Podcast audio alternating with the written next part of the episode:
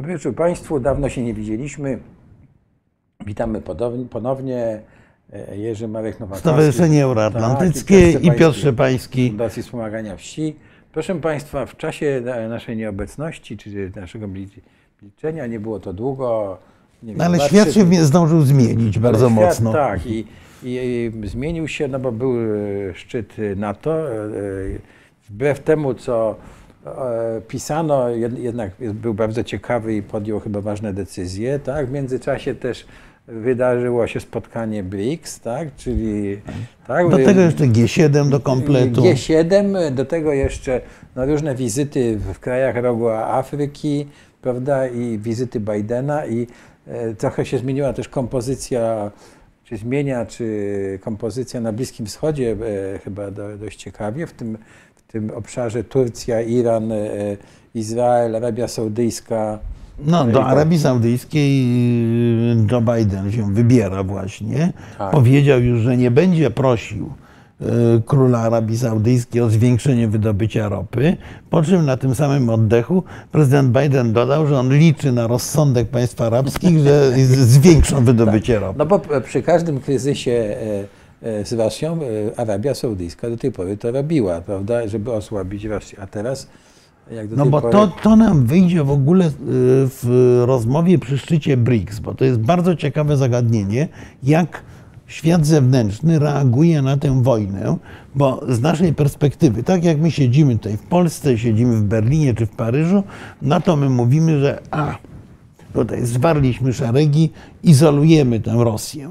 Otóż szczyt BRICS, ale jeszcze bardziej zachowanie Afryki, Ameryki Południowej pozwala na zadanie pytania, czy to przypadkiem Zachód nie jest izolowany No właśnie, w świecie. no właśnie. Y, Więc to, to jest jedno z istotnych pytań. Oczywiście, proszę Państwa, pamiętamy o pytaniach, które Państwo zadali i o przyszłość natowską Ukrainy i o Tak, y, o przekop. przekop Mierzei Wyślanej. Wrócimy do nich, spróbujemy na początku w każdym razie zająć się tymi rzeczami bardzo dużymi. No jeszcze e, wracając, już zaczniemy od, od, zaraz od, od NATO, bo od tego zaczniemy tylko. Jeszcze pamiętasz, był ten telefon, e, e, przecież e, za- zatelefonował, o ile pamiętam dobrze, w dniu swoich urodzin zatelefonował do Putina. Tak. Tak, i zrobiono z tego, no, e, publicznie to ogłoszono. Więc ta oś zła jak gdyby się z, z, wzmocniła.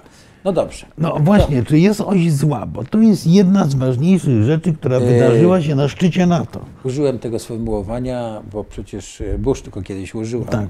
Tak, więc, ale Tak, może, tak, no. może niefortunnie. No to- ale, ale właśnie, czy jest oś zła? Bo y, ja jestem przekonany, zresztą mieliśmy już okazję o tym rozmawiać tutaj, że jednym z celów polityki Stanów Zjednoczonych nie jest tylko, jak nam się wydaje z perspektywy warszawskiej, powstrzymywanie Rosji, ale Stany Zjednoczone nieustannie pamiętają o tym, że głównym zagrożeniem z ich punktu widzenia są Chiny. I Amerykanie próbują cały czas dokonać właśnie takiej konstrukcji, żeby z, y, kwestia tego, jak zachowuje się Rosja, co Rosjanie robią, y, że Rosja jest y, biegunem zła we współczesnym świecie, co do tego na Zachodzie nie ma, nie ma sporu.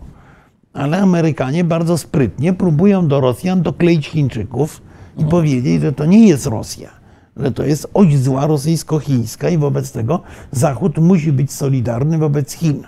Yy, I na szczycie NATO, znowu, tak jak obserwowałem nasze, na, nasze przekazy telewizyjne, no to oczywiście tutaj Rosja, przeciwnik i tak dalej. Otóż, jeżeli wsłuchamy się w komunikat końcowy sekretarza Stoltenberga, jeżeli wsłuchamy się, jeżeli zajrzymy w papiery, które wytworzył ten szczyt y, natowski, to się okaże, że nieustannie właśnie następuje tam ten proces sklejania Chin z Rosją. Mówienia, że zagrożeniem, oczywiście największym jest Rosja, bo jest agresywna, ale Chiny właściwie są prawie takim samym.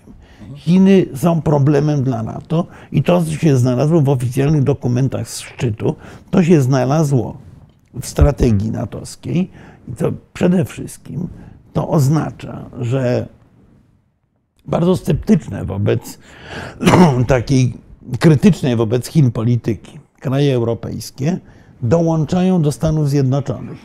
Zresztą zwróćmy uwagę na jeszcze jedną rzecz. Kto był gościem szczytu NATO? Japonia, Korea Południowa, Australia i Nowa Zelandia, prawda? Czyli kraje basenu Indo-Pacyfiku, kraje, które są głównymi sojusznikami Stanów Zjednoczonych właśnie w konfrontacji z Chinami. To jest bardzo charakterystyczne. Czyli można powiedzieć, że ten szczyt NATO w istocie skonstruował wojskową czy obronną wspólnotę świata demokracji. Nazwijmy to w ten sposób. Że to, o czym marzyli Amerykanie, żeby za, za Europa Zachodnia, czy Europa w ogóle, wsparła ich w ich y, sporze z Chinami, staje się rzeczywistością. No i jest to trochę nieuniknione, bo w ogóle ten szczyt NATO w istocie powiedział coś takiego, że Stany Zjednoczone są w tej chwili zwornikiem i kluczowym elementem całego świata zachodniego, demokratycznego, jak zwał, tak zwał. Bo od czasu, jak Putin zaczął grozić nam bombą atomową, to wszyscy, Niemcy, ale także Francuzi, Brytyjczycy, także Włosi, mają świadomość, że jedynym, jedyną realną obroną jest obrona amerykańska, że bez Stanów Zjednoczonych Europa jest bezbronna. Wobec tego nagle układ sił się zdecydowanie zmienił. Jest jeden oczywisty lider. Tym liderem jest Waszyngton. A z kolei Waszyngton mówi, podejrzewam zresztą, jak znam praktykę tego typu rozmów wprost, że kochani, my tu wysłaliśmy ponad 100 tysięcy żołnierzy. Płacimy grube miliardy na uzbrojenie Ukrainy, bo wy tej broni nie macie. Bo ja w ogóle chciałbym przypomnieć Państwu, że wbrew temu, co mówi nasza propaganda niekiedy, to nie jest tak, że źli Niemcy i Francuzi i Włosi nie chcą dać broni Ukraińcom. Oni niestety jej nie mają po prostu. Nie mają czego dać tym Ukraińcom, bo zapasy tego, co najbardziej jest na Ukrainie potrzebne, czyli amunicji, są prawie na wyczerpaniu. Pamiętajmy, że Francja czy Niemcy miały zasoby na prowadzenie wojny przez tydzień. To oficjalnie, bo w kampanii wyborczej we Francji Eric Zemmour e, wyciągnął dokumenty, w których wynikało, że wojsko francuskie się nie mogło bronić dwa dni.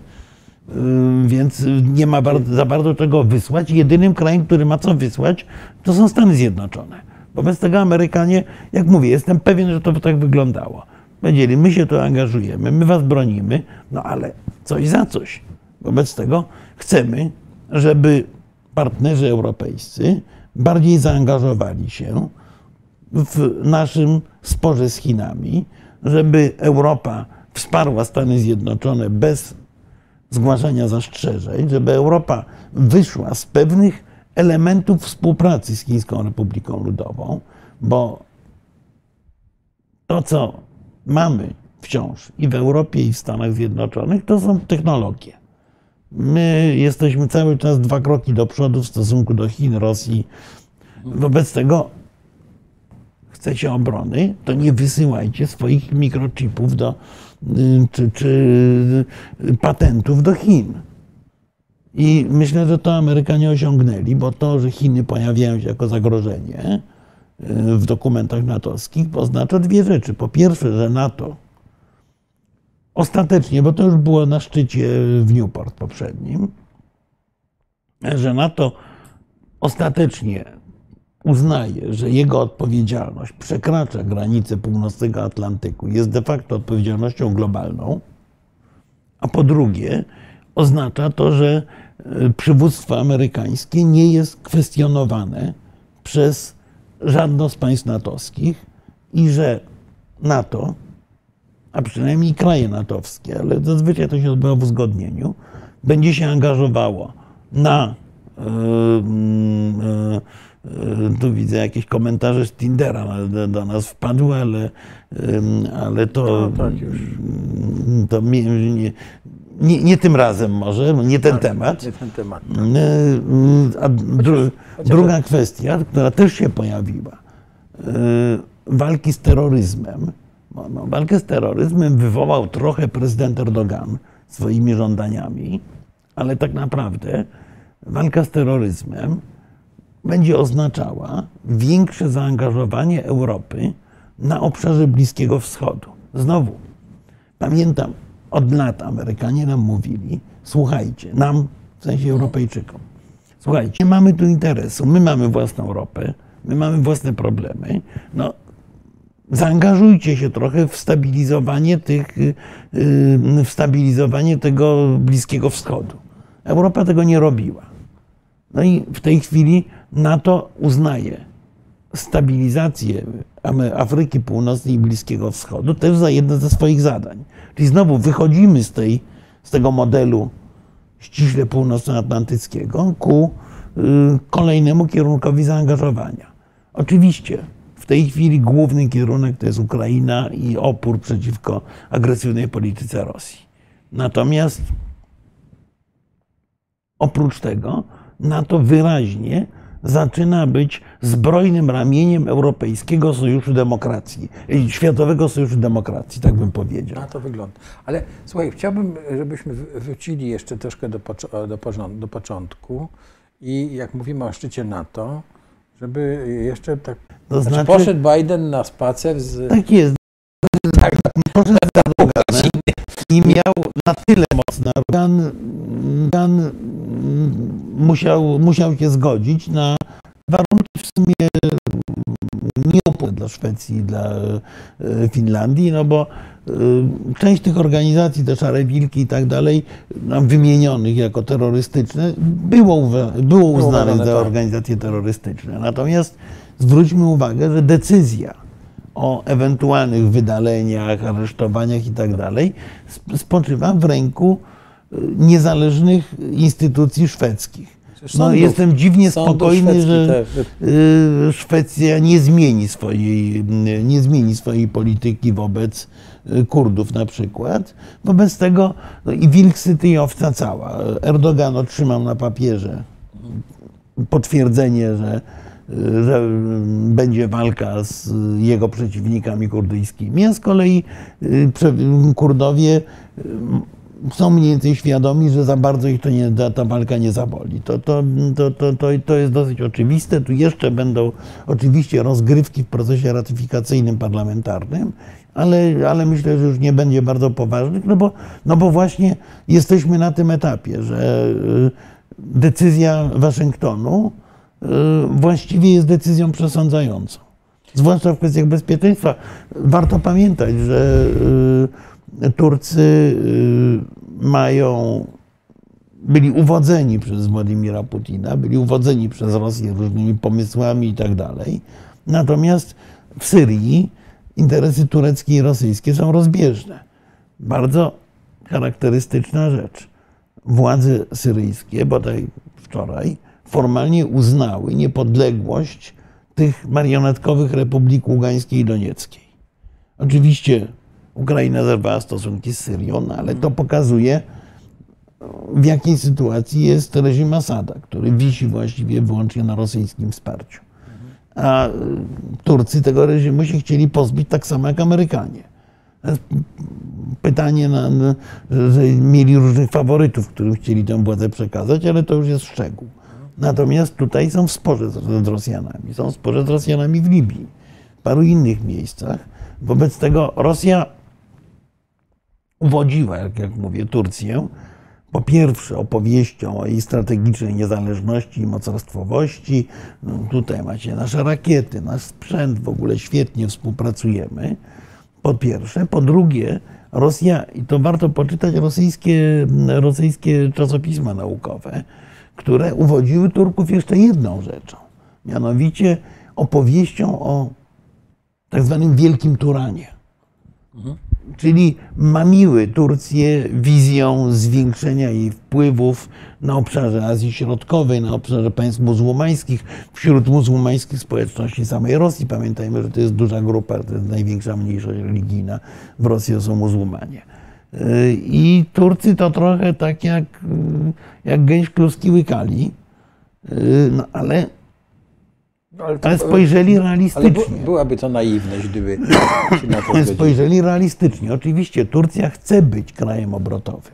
Mhm. Chce być tym krajem, który jest sprzedawcą pokoju, sprzedawcą, miejscem potencjalnych negocjacji i tak dalej, i tak dalej. Ale Turcja nie poradzi sobie gospodarczo bez pieniędzy z Zachodu.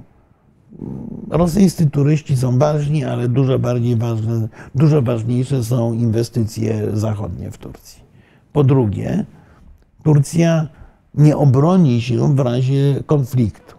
Po trzecie, Turcja jest zaangażowana we współpracę wojskową z Ukrainą, bo mało kto pamięta, że y, flagowy produkt y, turecki, czyli drony Bayraktar, latają wyłącznie dzięki temu, że mają zainstalowane ukraińskie silniki. Turcy nie mają technologii produkcji tych silników, kupowali je w Kanadzie. Kanadyjczycy po tym konflikcie amerykańsko-tureckim nałożyli embargo i w tej chwili Bayraktary latają na silnikach produkowanych przez Ukraińców. A Ukraina jeszcze produkuje te silniki? Cały czas produkuje, aczkolwiek Rosjanie próbowali, zdaje się, zbombardować zbombardować Motor Sea, czyli tę firmę, która te silniki produkuje, ale chyba cały czas je produkują, a Bayraktary są cały czas, cały czas wytwarzane. Y, więc y, no, tutaj ten splot interesów jest dużo bardziej skomplikowany niż nam by się wydawało. Y, tutaj, tu, tu, tutaj zresztą pan Adam w paru komentarzach mówi, że Ameryka rządzi na przykład na Litwie i trochę u nas. Otóż, panie Adamie, ja będę obrzydliwie cyniczny. Ameryka rządzi w tej chwili całą Europą i połową świata. Bo, Połową? No, może trochę mniej, ale to, dojdziemy do tego przy BRICSie. Mhm. Tą demokratyczną częścią świata, ponieważ Ameryka jest jedynym gwarantem bezpieczeństwa.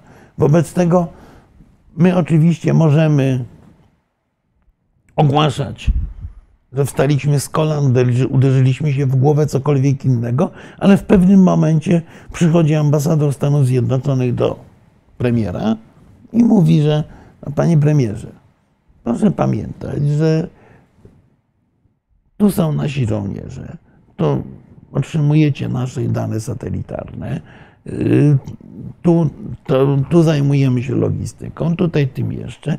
No więc dlaczego, panie premierze, tutaj nasze interesy nie są w takich jakichś dziwnych miejscach uwzględniane? No to nie ma innej odpowiedzi.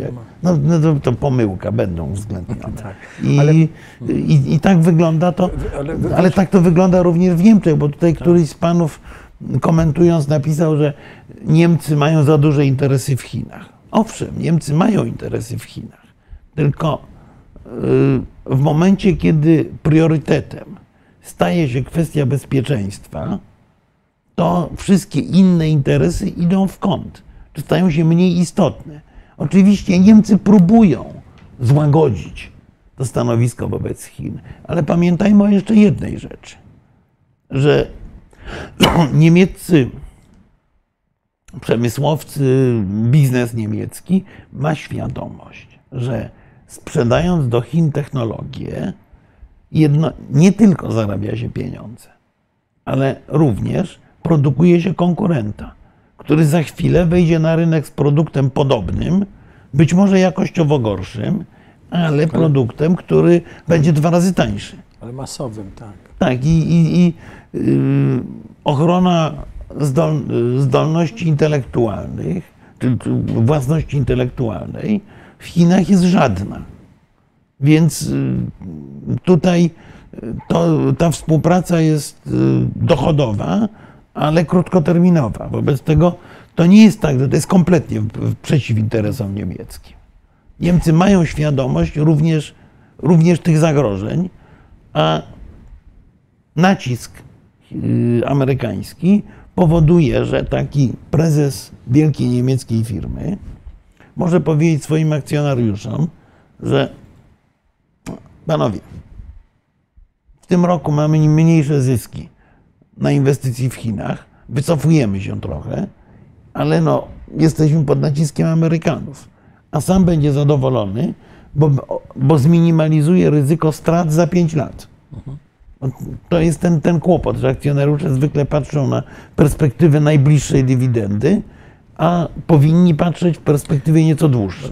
No tutaj jest tak, dotknąłeś takiego problemu jak pułapka pasa i szlaku, prawda? Bo przecież Tak. pas i szlak jest po to, żeby zdominować e, prawda, e, No tak o, obszary h- handlowo. No i no widzimy, jak e, Tak. bankrutuje Sri Lanka, która Tak.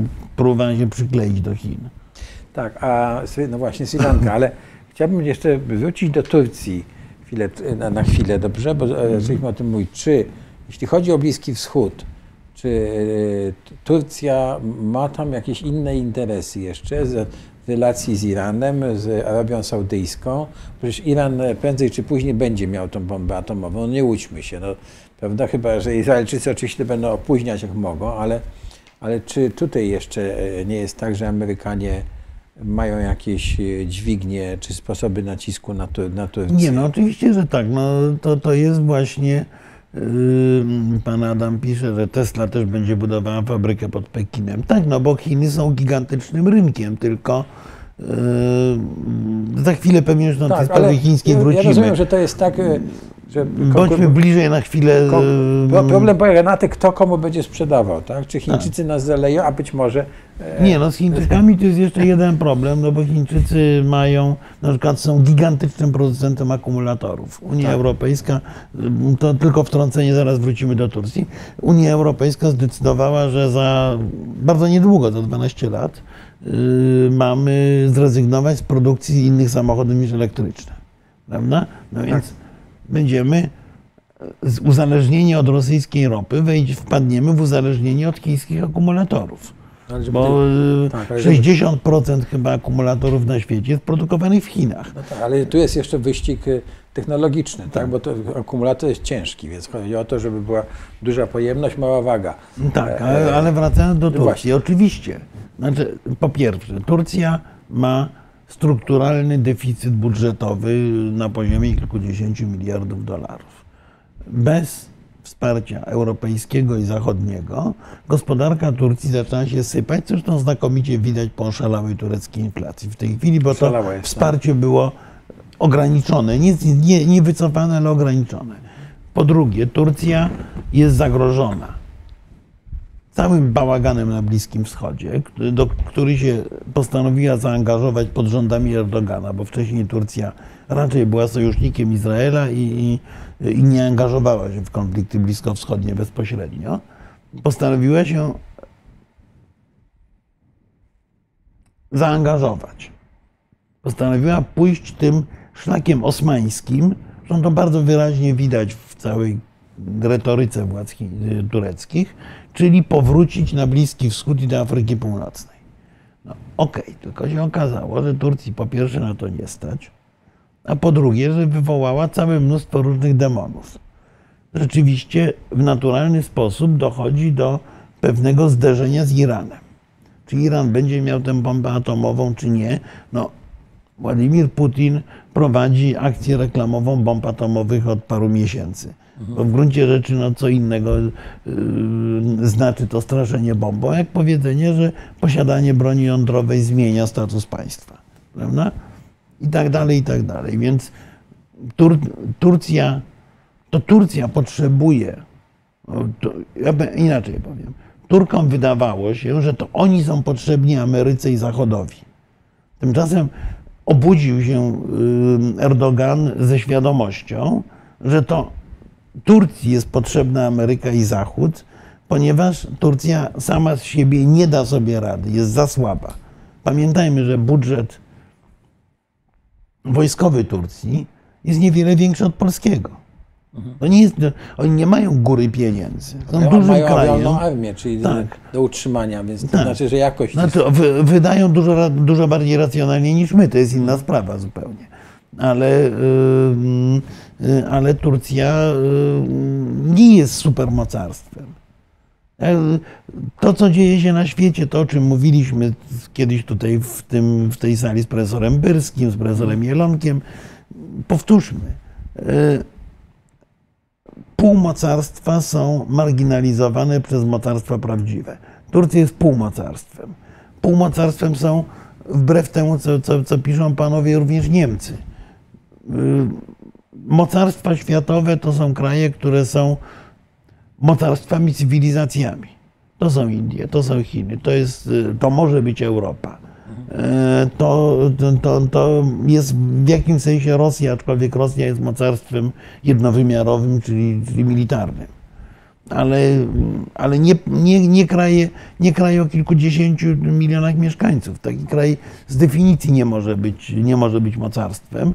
I próba prowadzenia polityki mocarstwowej przez Turków skończyła się tym, że brakuje im pieniędzy, że mają problemy społeczne, że są pokłóceni z sąsiadami i że nie bardzo wiedzą, co robić dalej.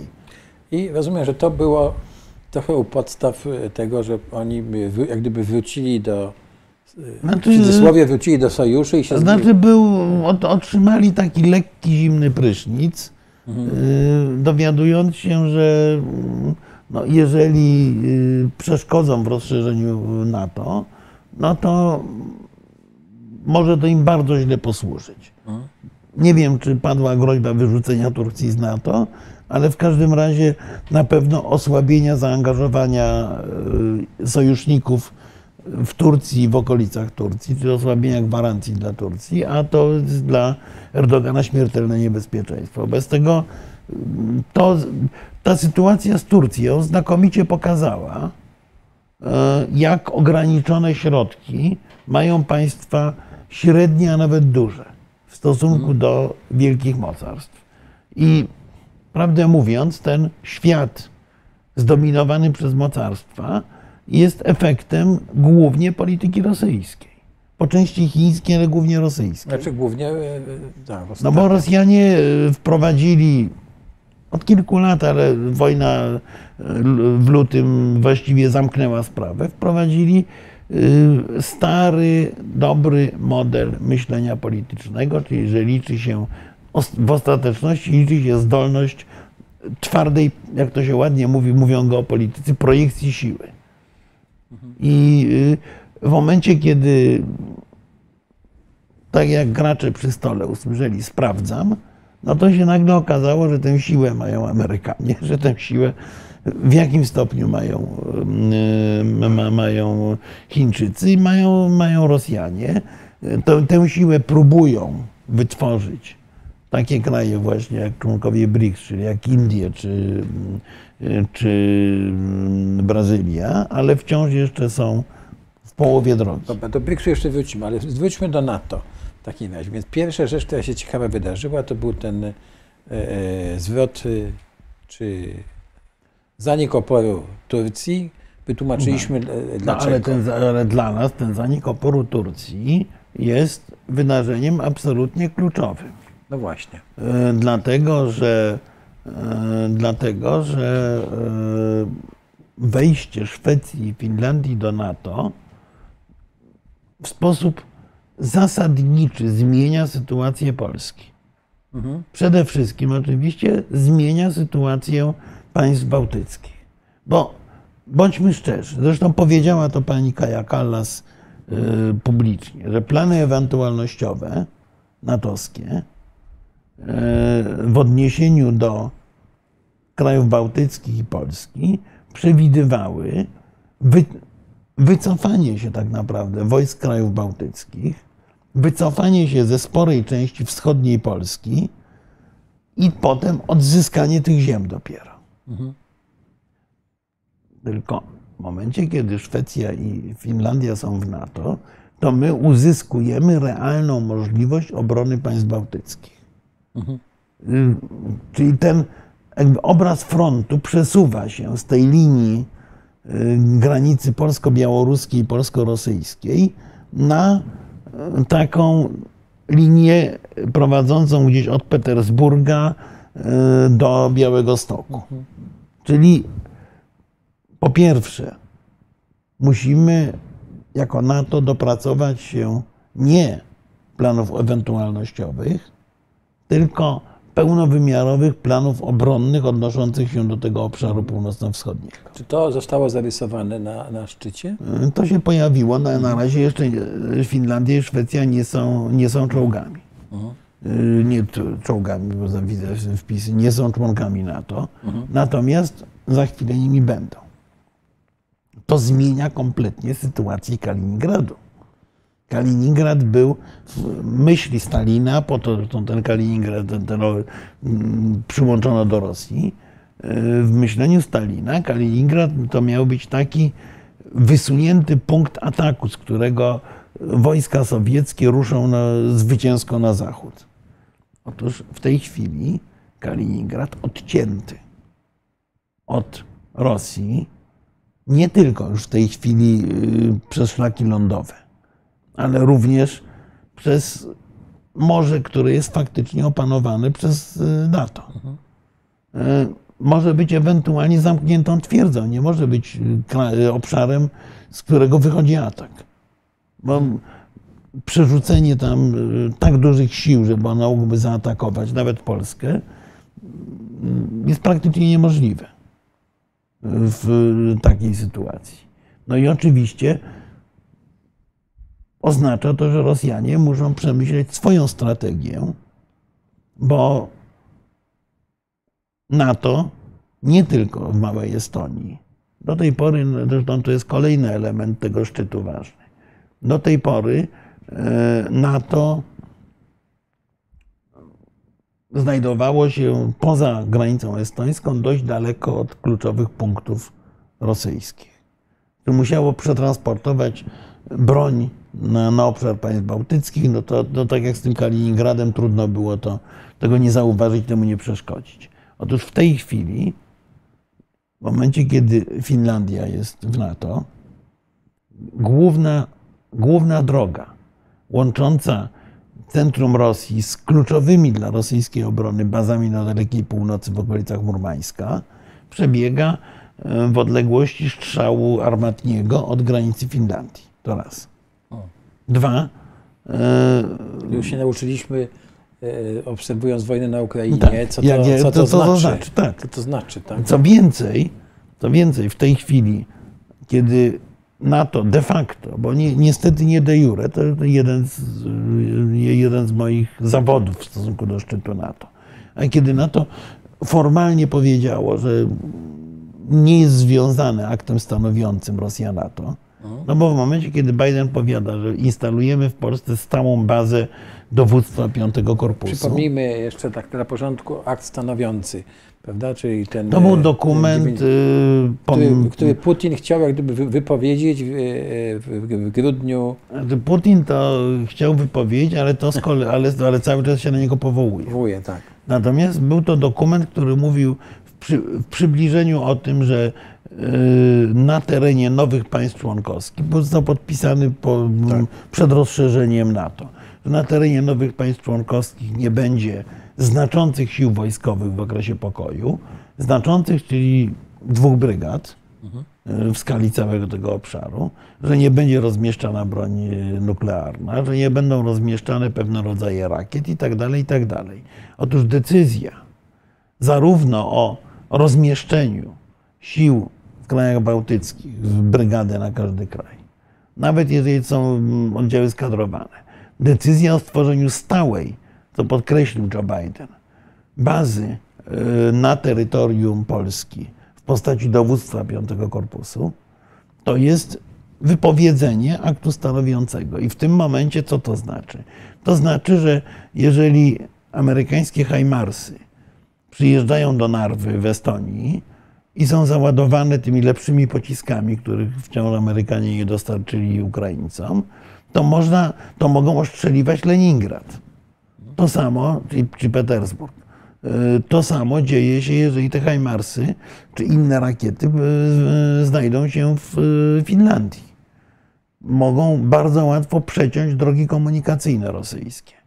Główne bazy rosyjskich okrętów atomowych podwodnych również znajdują się w zasięgu 6 minut lotu czy 5 minut lotu samolotów natowskich. To jest kompletnie nowa sytuacja. Rosja która koncentrowała się od dłuższego czasu militarnie na południu, przygotowując się do agresji na Ukrainę, w tej chwili yy, muszą przesterować się na północny zachód. Yy, tu pan Robert yy, pisze, czy można być takim debilem i uważać, że USA chcą dobrze dla Polski. Otóż, panie Robercie, yy, używanie słowa debil w dyskusji nie jest może szczególnie eleganckie, ale trzymając się tego sformułowania. Otóż, jeżeli ktoś jest takim debilem, że uważa, że jakiś kraj chce dobrze dla innego kraju, to uważa za debili polityków rządzących tym krajem. Otóż obowiązkiem polityków jest dbanie o interes swojego państwa. A obowiązkiem polskich polityków, ponieważ Stany Zjednoczone, jak mówię, są jedynym, jedynym realnym obrońcą z Polski w razie zagrożenia rosyjskiego, obowiązkiem polskich polityków jest y, dbanie o to, żeby amerykańskim interesem było wspieranie Polski. To jest na, nasz biznes. Amerykanie mają swoje interesy. I oni nie chcą dobrze dla, ani dla Polski, ani dla Izraela, ani dla, dla nikogo innego. Natomiast chcą dobrze dla siebie. Pan e, Robert y, chyba nie słuchał dobrze, czego my tu mówiliśmy, prawda? My cały czas, tu powtarzamy, prawda, że to no, są interesy, prawda? I, No właśnie, tutaj pan sztu- Adam napisał, sztuka- USA chce dobrze dla USA. Musimy sprawić, że to, Tak. co chcą USA, było też dobre dla nas. Dokładnie. Tak, no, musimy tak sprawić, tak. I tu cały czas o tym e, mówimy, prawda? Więc e, to w, w, w kategoriach polityki zagranicznej nie ma w- dobrze. Znaczy w, w dyplomacji nie ma pojęcia przyjaźni, lubienia, Znaczy robienia personalnie dobrze. przyjaźnie, personalne są, tylko, tak, ale, tylko ale, wiesz, ale to, może dojść do momentu takiego, jak marszałek Piłsudski mówi, ja was bardzo, panowie, e, Przepraszam. przepraszam tak? Ale nie, no nawet przyjaźnie wiesz osobiste. No moje doświadczenie, y, miałem bardzo dobre relacje z moim rosyjskim kolegą w Rydze, bo znałem go jeszcze z czasów, kiedy on był związany z tymi środowiskami demokratycznymi w czasach jelcynowskich. Byliśmy w bardzo dobrych relacjach. No, tylko po ataku Rosji na Ukrainę obaj wymieniliśmy zimne ukłony i przestaliśmy się zapraszać na jakieś kolacje, na, na jakieś nieformalne rozmowy. Skończyło się.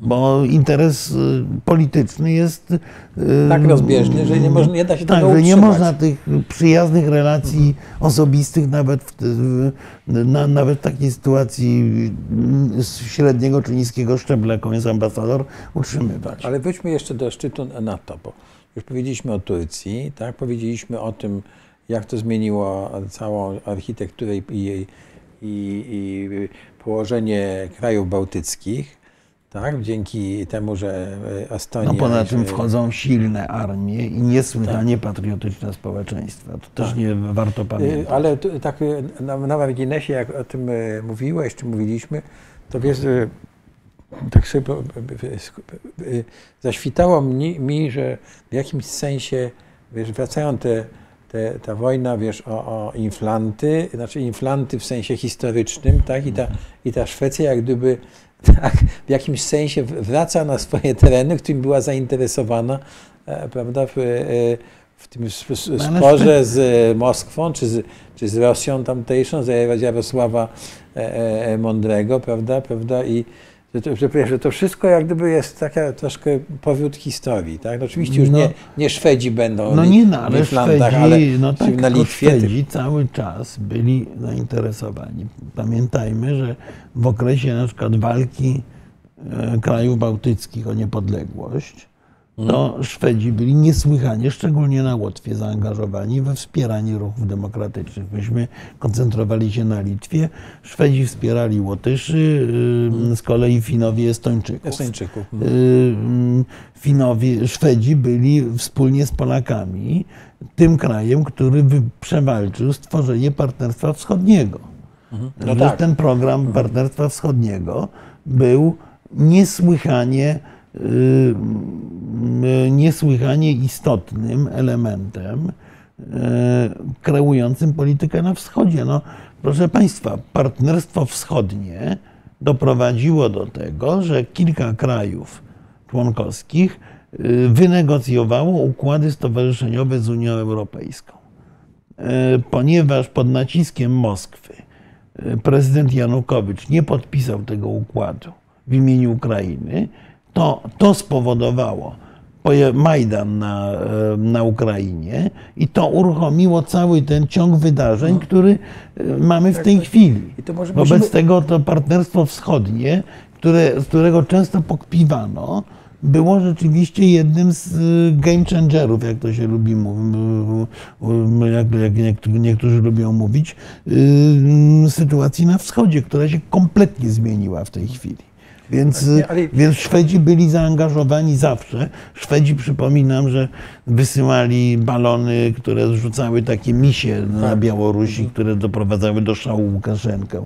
Y, Mamy mnóstwo różnych przykładów. Więc Szwecja, Dania, Finlandia, one doskonale wiedzą, jakim problemem jest Rosja, jakim problemem jest dla Europy polityka wschodnia. To jest coś, co myśmy w ciągu ostatnich sześciu lat bardzo zaniedbywali, bo jednocześnie te kraje wyjątkowo intensywnie upominają się na przykład wobec Polaków o sprawy praworządności. Wobec tego polski rząd udawał, że nie ma wspólnych interesów ze Szwecją, gdzieś hasał po jakichś trójmorzach y, na południu, na Bałkanach. Tymczasem No Tymczasem interesy polskie są, myślę, że w 60% skupione wokół Bałtyku, w 30% w- na obszarze obecnej Ukrainy, a gdzieś pozostałe 10 właśnie sobie można pohasać po Bałkanach, Węgrzech i tak dalej. e, wspomniałeś tutaj Trój- Trójmorze. e, I, e, bo ono teraz e, ożyło ostatnio znowu, się odbył jakiś zjazd i tak dalej. No Więc, e, ożyło, bo e, nagle pojawił się pomysł, że przyjmiemy do niego Ukrainę. No i to, Tak. to zmienia sytuację, bo ja powiem zupełnie, zupełnie szczerze. Otóż ja uważałem, że jedną z największych wad Trójmorza jest to, że ono de facto odepchnie Ukrainę i Białoruś od Europy. Dlaczego? To była inicjatywa wewnątrz Unii Europejskiej i, na, i inicjatywa, która przeewoluowała od pewnego momentu w inicjatywę mm, budowania infrastruktury. Więc najkrócej mówiąc, budujemy Via Carpatia, prawda? Która docelowo ma połączyć Stambuł i, y, i Konstancę z portami Morza Bałtyckiego, przede wszystkim litewskimi i łotewskimi, Kłajpedą, Rygą, trochę Gdańskiem.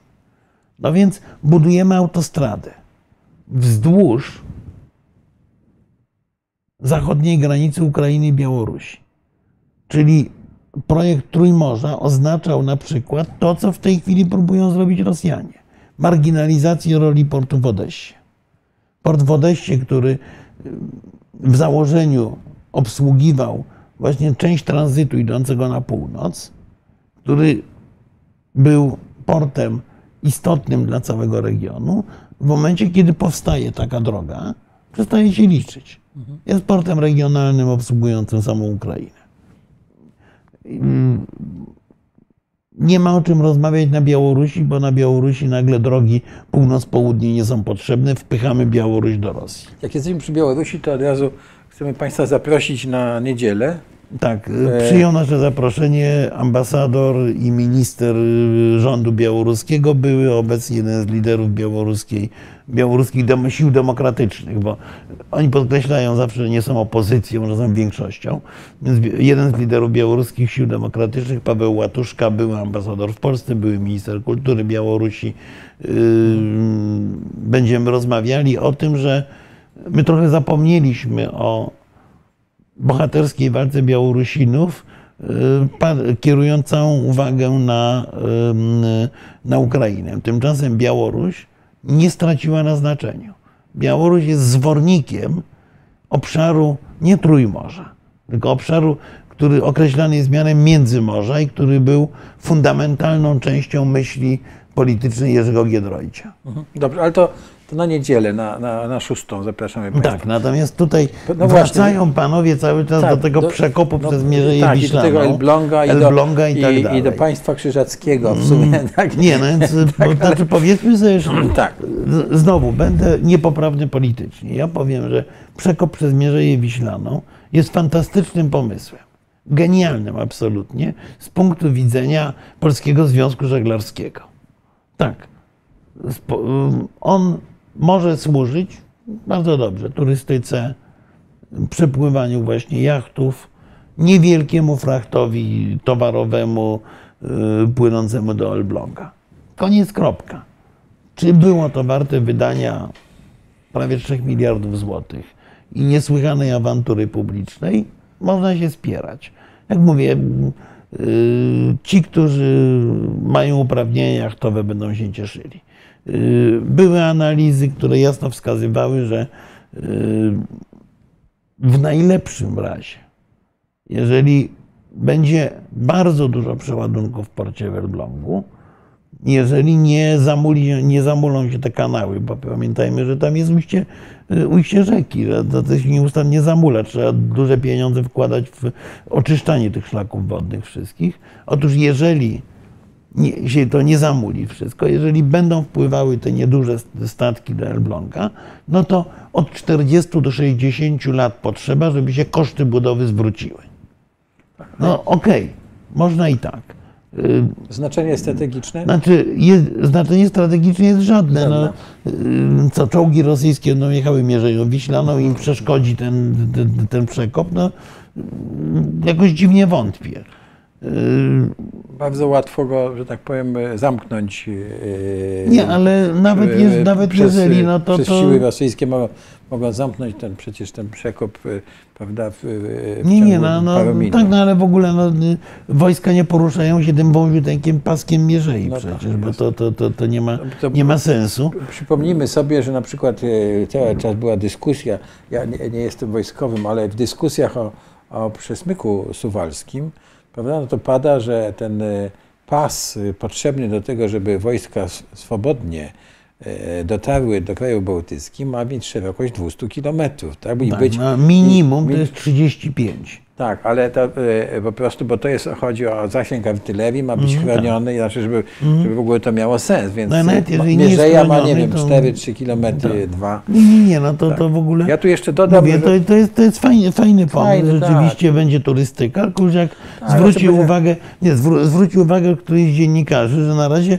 to wygląda w ten sposób, że przekop istotnie mamy, ale na przykład porty we Frągborku, w Tolkmicku, y, które powinny Jakie być właśnie... No przecież to jest No tylko właśnie takie- miały, one miały służyć tym, y, bo to bardzo fajna idea.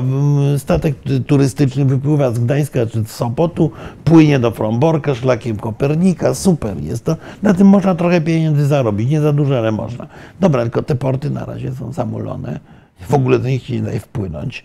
Do samego Elbląga je owszem można, no ale y, y, znaczy powiedzmy sobie tak, no okej, można było to zbudować Czyli- na zasadzie znanego powiedzonka, kto bogatemu zabroni. Jak jesteś na wakacjach na Helu, tak, to możesz wsiąść Tak, e, z- mało, świetnie, mały jacht tak. albo mały taki ten, i dopłynąć sobie do Elbląga, gdzie jest tak. ładna starówka Więcej mogę jeszcze kanałem są- elbląskim, potem sobie popłynąć Tak, na jeziora, na no w ogóle super. Albo, albo w drugą stronę, tak? Tak. Znaczy, tak no, ale no dobra, no, ale, ale- ale- ilu, ilu jest tych żeglarzy? Dwa tysiące? No, no nie wiem, w każdym razie ile Trzy. trwa sezon, tak? To jest No tak, to jest to drugie. nie dwa. Poza Ale- tym e, weźmy pod uwagę jeszcze koszty, bo ty mówiłeś o kosztach, że rzeka wpływa i zamula, tak? Ale z drugiej strony mamy cały, cały czas prąd morski, który, Tak. który, prawda, który zamula wejście od strony morza, więc trzeba będzie znowu e, cały czas e, pogłębiać, refulować i tak dalej, i tak dalej, Tak. Nie, nie, no, utrzymać. ukazało, ukazało się parę studiów, ja w tej chwili z pamięci nie powiem, mm, ukazało się parę studiów badawczych, które wskazywały, że, że ten przekop ma bardzo ograniczony sens. Tak. Żaden, wo- No. strategicznie żaden, bo tam żadne większe okręty nie przepłyną, y, jeśli idzie o stronę wojskową. Y, Handlowo też niewielki, bo, no bo nie używa się statków. y, No jest linia kolejowa do Gdańska poza tym z Elbląga, tak? No tak, ale no Elbląg jest portem, fajnie, no dobrze, że wpływają tam statki, okej, y, tylko no jest, jest to miły, No tych- miły gest. Y, y, Jak ktoś jest bardzo bogaty, ma, ma za dużo pieniędzy, to sobie może coś takiego zrobić, to, to rzeczywiście wpłynie właśnie na, na, na, na nowe szlaki wycieczkowe, może więcej turystów przyjechać, może rzeczywiście Tolkmicko, Frągborg, y, parę innych miejsc się rozwinąć, można spróbować jakieś budować szlaki żeglugowe powiązane z kanałem y, elbląskim y, i z jeziorami, no i tyle. No, natomiast nie opowiadajmy, że będzie węgiel eksportowany y, przez, y, transportowany do Elbląga, bo to po prostu jest, y, jak, jak, jak, jak słusznie mawiał młodszy Corleone, obrażanie inteligencji rozmówcy. Tak. I y, no to chyba żeśmy powiedzieli wszystko, jeśli chodzi o to. Oczywiście jeszcze no, dzieci będą mogły pojechać, zobaczyć jak działa śluza, prawda, co to jest, ładna budowla hydrotechniczna. No tak, prawda, mamy ale- nową budowlę hydrotechniczną Tak, na tak. Mierzei i stary historyczny kanał elbląski. Tak. No można połączyć świetnie. Tak, Nie no, tak. no, no To dobrze, no przypomnijmy, tylko, że kanał tylko- Elbląski był e, e, po to w XIX wieku prawda, stworzony, żeby z e, rolniczych Mazur wywozić właśnie zbo, takie Tak, zboże. do Elbląga, takie, tak. tak do, do, znaczy na Elbląga, tylko nawet do Gdańska. No i do Gdańska. tak. No do- z Elbląga też tam Poza wtedy tym, poza tym ja chciałem zwrócić uwagę, na kanale Elbląskim są ciekawe rozwiązania, bo nie ma śluz, tylko tak, masz tylko są takie te- te- transport lądowy. te pochylnie tak. takie, prawda? Mhm. e, e, te- I szkoda, że właśnie w tej Mierzei nie, nie, nie, nie zas- zastosowano taką tradycyjną śluzę, zamiast Mhm. poszukać takiego nowoczesnego rozwiązania, które są, No nie, to, to, pochylnia, tradycyjna, pochylnia tradycyjna śluza jest lepsza z prostego powodu. No pamiętajmy, że pochylnia by właściwie odcięła. od, Y, jest, tak. Nie było możliwości poprowadzenia drogi, no a tak tutaj jest most No. zwodzony i, i No, można dojechać do Krynicy Znaczy, Morskiej, do wiesz, jak kątów jest rybackich to tak może zrobić most. No, nieważne, w każdym Mhm. razie e, no jest fajna budowla. e, będzie Tak, no, mówię, no, dla turystów, żeglarzy, y, małego handelku to jest ok, natomiast nie, nie ma to nic wspólnego z jakimkolwiek rachunkiem gospodarczym. To jest zresztą y, no, większy problem, y, że y, bardzo wiele rzeczy jest budowanych bez rachunku ekonomicznego w Polsce. E, Słuchaj, czy już jeśli chodzi o szczyt NATO? Nie, no broń No to Boże, nie wyczerpaliśmy No to- jeszcze no to- nawet, na, na, no nawet połowy No tematów, no ponieważ mówmy, co y, jeszcze, tak? No bo ten nie siły szybkiego reagowania. Siły szybkiego reagowania oznaczają mniej więcej tyle, że prawie połowa armii europejskich, krajów członkowskich NATO będzie, to znowu tłumacząc z politycznego na, na, na normalne, y, będzie w stanie podwyższonej gotowości bojowej. To jest ważne, no bo stan podwyższonej gotowości bojowej oznacza większe nasycenie sprzętem, więcej ćwiczeń, y, również to, żeby te wojska mm, miały rozpoznanie terenu. Y, To jest, to, to, to jest istotny gest. Do tej pory te siły szybkiego reagowania miały, liczyć- miały liczyć 40 tysięcy. Ale powiedzmy, co z tego wynika? Otóż od bardzo dawna, od pewnie 20 parę lat, polityka krajów natowskich i NATO jako całość tak naprawdę była polityką, znowu będę niepoprawny politycznie, e, ekspedycji kolonialnych. Myśmy budowali, zresztą to prezydent Komorowski w Polsce w pewnym momencie nazwał wprost wojska ekspedycyjne. E, Czyli wojska nastawione na walkę z przeciwnikiem słabym, źle zorganizowanym, w niewielkiej skali. Wojska, które miały jechać do Afryki, do Azji, ewentualnie robić porządek, uczestniczyć w jakichś misjach pokojowych i tak dalej. E, Proszę Państwa, bardzo charakterystyczne, że Ukraińcy dostali trochę sprzętu zachodniego i stwierdzają, że ten sprzęt jest bez sensu trochę, bo on jest bardzo dobrze opancerzony na dole, a słabiej na górze. Dlaczego? A no właśnie dlatego, że głównym zagrożeniem przy tych wszystkich misjach pokojowych były miny y, montowane przez y, różnych dżihadystów na drogach. Wobec tego wszystkie te pojazdy mają bardzo silnie wzmocnione podwozia. Y, Nawet niektóre mają specjalnie ukształtowane w kształcie litery V. Natomiast niekoniecznie muszą mieć pancerze, które wytrzymają ostrzał artylerii, bo zazwyczaj y, przeciwnik dysponował lekkimi moździerzami, czy, lekkimi, y, czy, czy, czy, czy lekką bronią przeciwpancerną. Y, y, Więc na, poziomie takim konstrukcyjnym myśmy przygotowywali się do wojen kolonialnych. Również nie gromadziliśmy wielkich zapasów uzbrojenia. To, że brakuje nam amunicji, którą możemy wysłać y, Ukraińcom, to, to, to jest też wynik tego, że no, w czasie takiej ekspedycji, nawet jak w Afganistanie, wystrzeliwuje się kilkaset pocisków ciężkich, tysiąc może. Natomiast w czasie wojny takiej, jak toczy się w Donbasie w tej chwili, wystrzeliwuje się kilkadziesiąt tysięcy pocisków dziennie. Więc Europa do takiej wojny w ogóle nie była przygotowana, myśmy, NATO nie było przygotowane, myśmy w to nie wierzyli. Byli go przygotowani Amerykanie, zakładając, że mogą utknąć w konflikcie z prawdziwym przeciwnikiem, bardziej w Azji zresztą niż w Europie. I, I dlatego w tej chwili y, tylko Stany Zjednoczone dysponują pewnymi zapasami uzbrojenia, ale pamiętajmy o jeszcze jednej rzeczy, że Amerykanie e, muszą podejmować decyzje, jeżeli wysyłają swój ciężki sprzęt do Ukrainy, to oznacza, że może go zabraknąć na przykład na Tajwanie. Stany Zjednoczone muszą podejmować też takie trudne decyzje. NATO powiedziało, tworzymy siły szybkiego reagowania, podwyższamy zdecydowanie wydatki zbrojeniowe, a przede wszystkim ten szczyt NATO sprawił jedną rzecz. Mianowicie coś, co jest niewymierne, ale zmienił się sposób myślenia właśnie. Przestaliśmy myśleć o wojnie jako o e, zabawie na poziomie grupy batalionowej, a zaczęliśmy myśleć o realnym zagrożeniu, y, pełnoskalową wojną wypowiedzianą przez mocarstwa.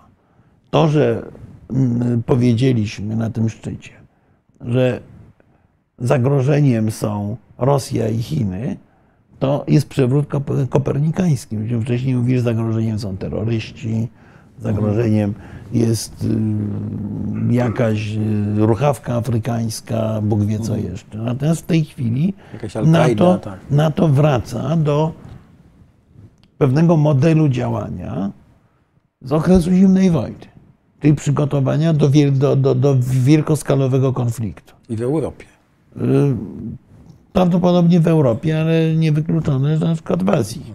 Mhm. To, no właśnie, tego też nie jak jest w takim razie jeśli chodzi o działania poza obszarem out of e, area. Out of area, tak. No, to już się pojawiło w Newport. Mhm. To się pojawiło w czasie um, kilku rozmów. Znaczy, żebyśmy y, przypomnieli, o czym mówimy, prawda? Że do tej, do tej pory NATO powiedziało, w te, określiło traktacie, obszar... Traktat Północnoatlantycki jasno definiował obszar zainteresowania NATO, to była Europa, Ameryka Północna. Tak.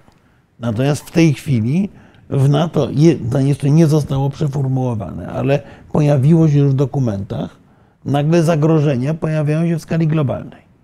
Więc NATO przenosi swoje zainteresowanie, czy przez, rozszerza swoje pole zainteresowań i odpowiedzialności na obszar Indo-Pacyfiku y, i na obszar Bliskiego Wschodu.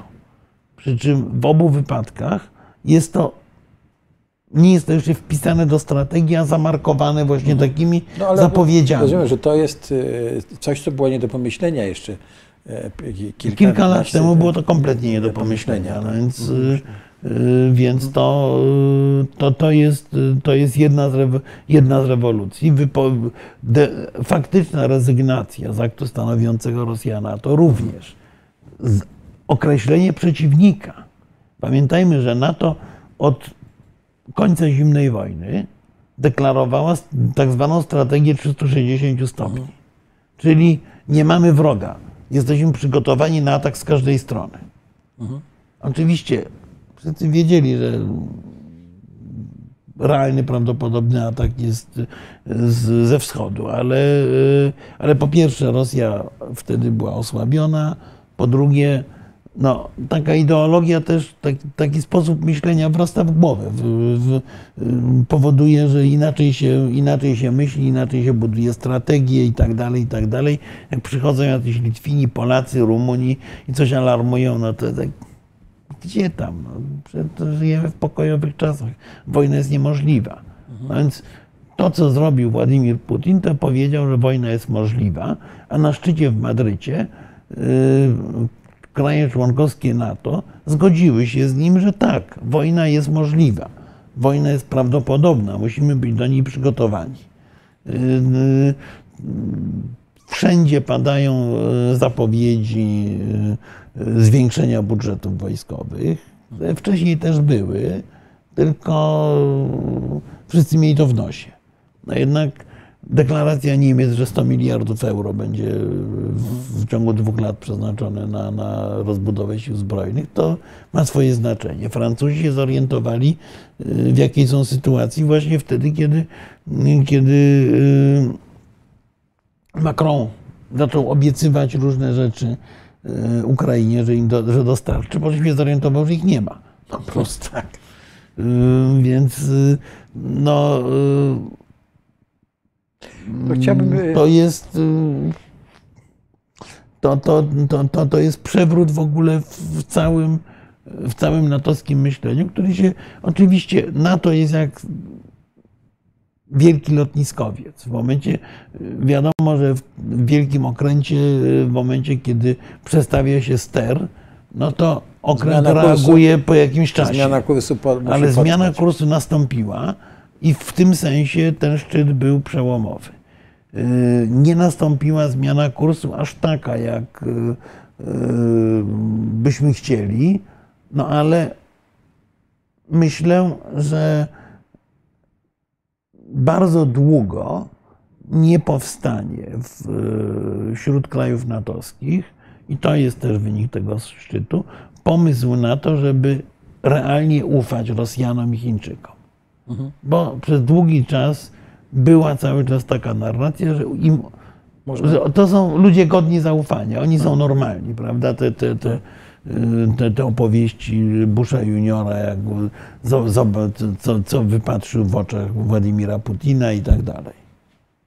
Więc, To jak sp- wspomnieliśmy o Macronie i Francji, to chciałbym Cię zapytać o ocenę tego, e, tych 100 spadochroniarzy, tego, tego rajdu, prawda, z, z no Korsyki. to był, to był o co tu chodziło, prawda? gest, Bo, bo to to, był bardzo ładny gest polityczny. w jakich okolicznościach, E, czego, na co on był odpowiedzią? Na co on był odpowiedzią? W, w mojej ocenie on był przede wszystkim wsparciem dla Niemiec. E, Oczywiście oprócz tego to był, to był gest, który miał pokazać, jakim twardym facetem jest prezydent Macron. Tak. E, Wobec negocjacji rządowych we Francji, sporów wszystkich to było ważne. Ale oprócz tego to miało być wsparcie dla Niemiec. Pamiętajmy, że Berlin zaproponował pewną formułę obecności wojskowej na Litwie, bo Niemcy są tak zwanym krajem ramowym tej grupy batalionowej, teraz brygady na Litwie. I Niemcy zaproponowali właśnie to rozwiązanie, które jest kulawe i miejmy nadzieję, że się przewróci, ale na razie jest przyjmowane, czyli że wojska tej brygady ćwiczą na Litwie, znają teren. Są przypisane do... E, Są konkretnie przypisane do do, konkretnych miejsc, mają magazyny ze sprzętem, e, amunicją na Litwie rozmieszczone, ale stacjonują u siebie w kraju. Litwini zaczęli protestować przeciwko temu pomysłowi, słusznie w mojej ocenie. Natomiast Niemcy się dość mocno bronili przed wysłaniem wojsk ekspedycyjnych. No i ten rajd francuskich spadochroniarzy w istocie był e, próbą pokazania, że proszę, można w ciągu kilkunastu godzin e, wylądować e, w kraju bałtyckim i udzielić mu pomocy. Wydaje się, że to był, że to był polityczny, mm, była to polityczna próba wsparcia tego rozwiązania. No oprócz tego oczywiście to, był, to była próba pokazania, jak zwykle to u Francuzów bywa, że Francja się naprawdę liczy. No tak, to pewnie jeszcze, jeszcze było. Tutaj e, cały czas e, toczy się ciekawa dyskusja na temat e, e, przekopu Tak, właśnie tu- kanału augustowskiego i, i rozumiem, bo to jest, p- państwo otwierają Nie, cały... tutaj w sprawie tych sił szybkiego reagowania to- e, pan pani 11TP e, powiada, że e, mają być gotowe w razie czego w pół roku. No nie.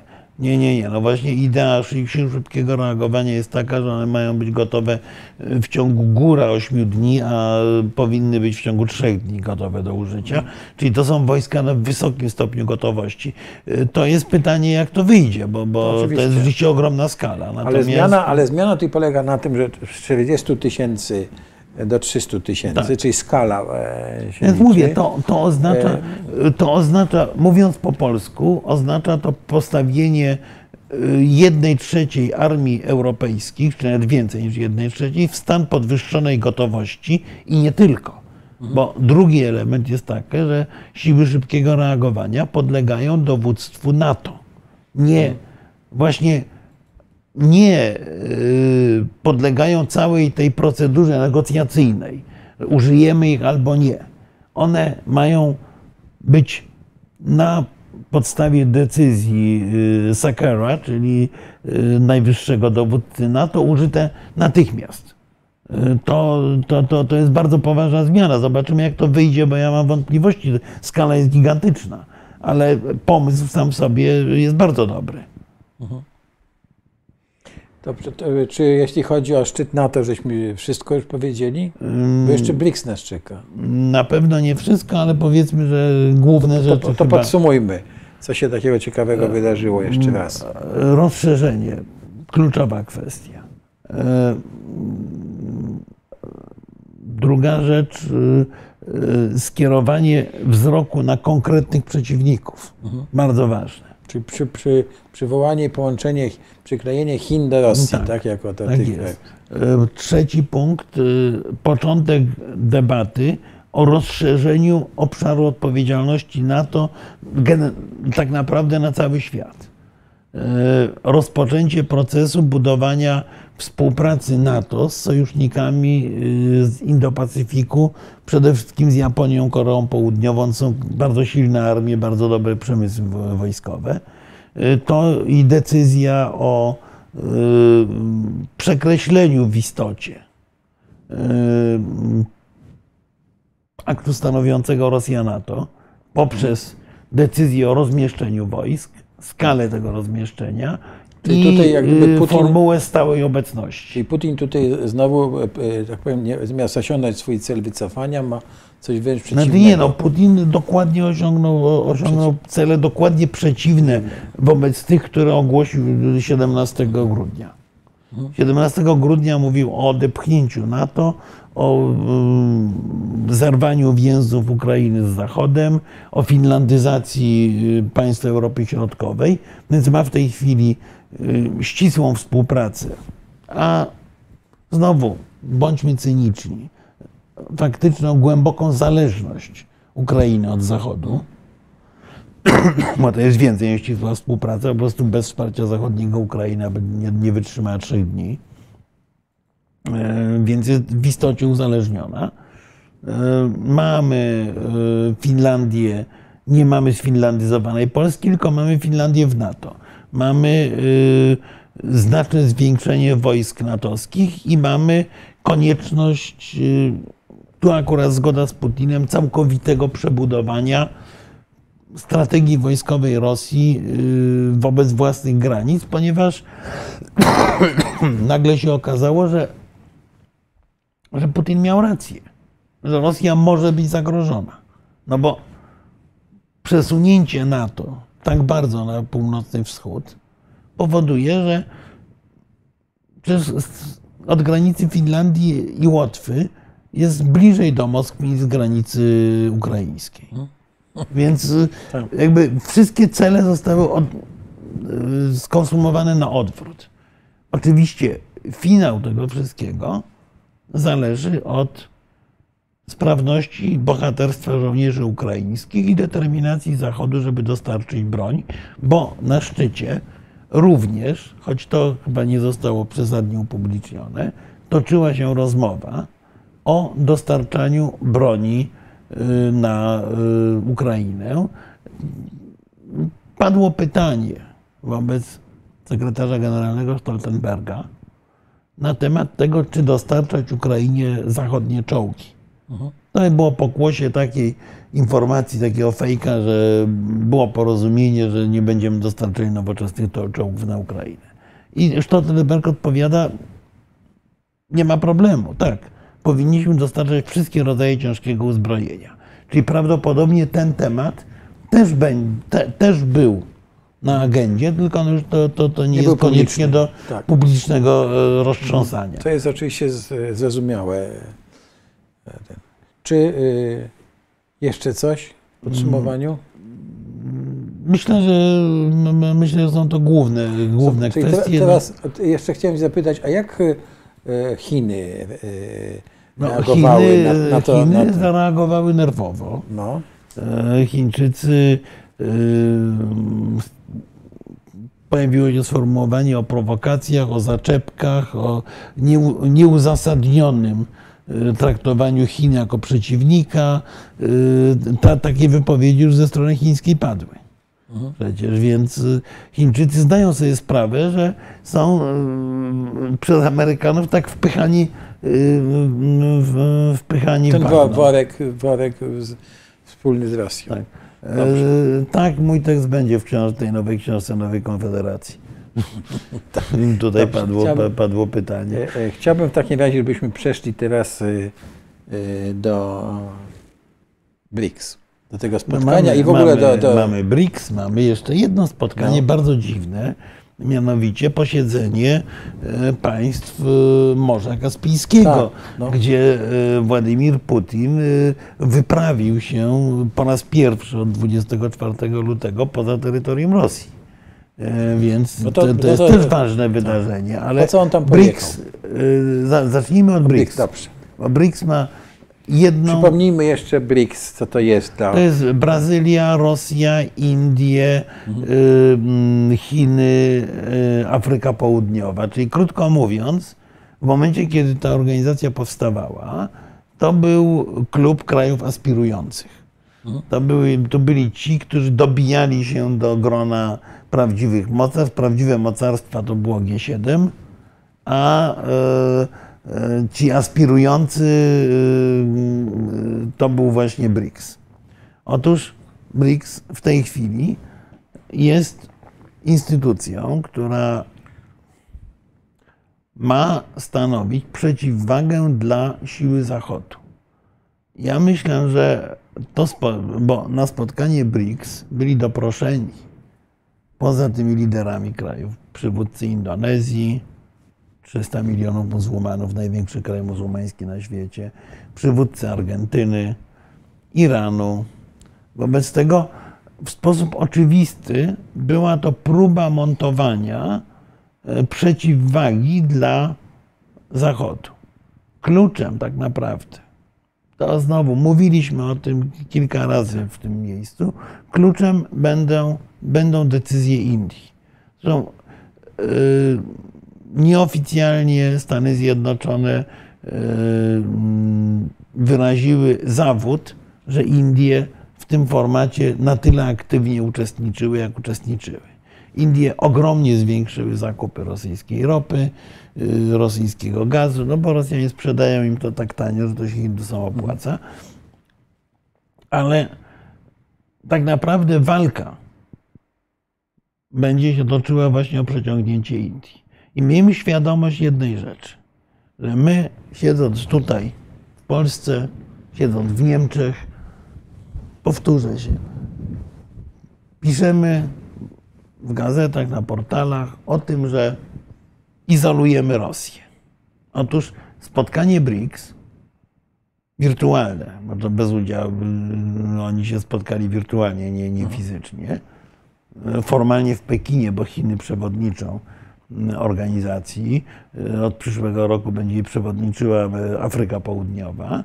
Otóż e, na tym spotkaniu był, byli przedstawiciele połowy ludności świata. BRICS na dodatek jeszcze w swoim komunikacie końcowym podkreślił, że to były kraje, które wytwarzają prawie, prawie połowę globalnego PKB. No trochę mniej, ale to, to, to, to, to już kwestia nieistotna. I w tym momencie pojawia się pytanie, czy my izolujemy Rosję, czy oś zła, czyli Rosję i Chiny, czy przypadkiem nie jest tak, że Zachód jest izolowany wobec nielubiącej, nielubiącej go reszty świata. Bo przypomnijmy, że w głosowaniach w Organizacji Narodów Zjednoczonych ani jedno państwo afrykańskie nie głosowało za sankcjami na Rosję. Że kiedy mówimy o Ameryce Południowej, i otworzymy te hiszpańsko czy portugalskojęzyczne gazety, które tam się ukazują, to możemy czuć się jak widzowie Russia Today. Tam jest powtarzana narracja rosyjska o sytuacji, o sytuacji w, na, na pograniczu, pomiędzy Rosją a Ukrainą.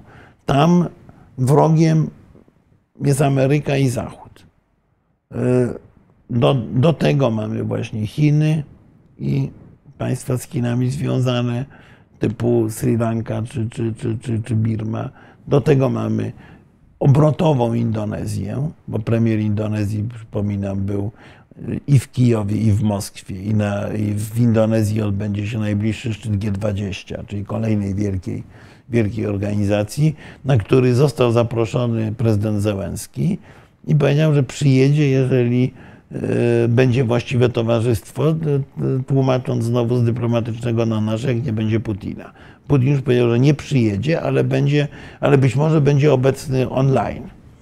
E, więc tu, tutaj jeszcze będzie pewna rozgrywka, bo również przywódcy państw zachodnich powiedzieli, że jak będzie Putin, to nie przyjadą. Także e, połowa świata e, wypowiedziała się w swoich komunikatach, bo komunikat BRICS był komunikatem, który w istotnej części powtarzał rosyjską propagandę. Oczywiście wzywał Rosję i Ukrainę do pokoju, ale winę za konflikt obarczał tak naprawdę Zachód i Ukrainę, a nie Rosję. E, więc y, mamy rywalizację, bo BRICS to jest tak naprawdę poza Brazylią, to jest to tak naprawdę Rosja, Chiny i Indie.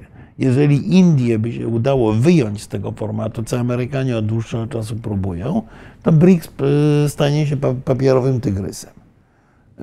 I y,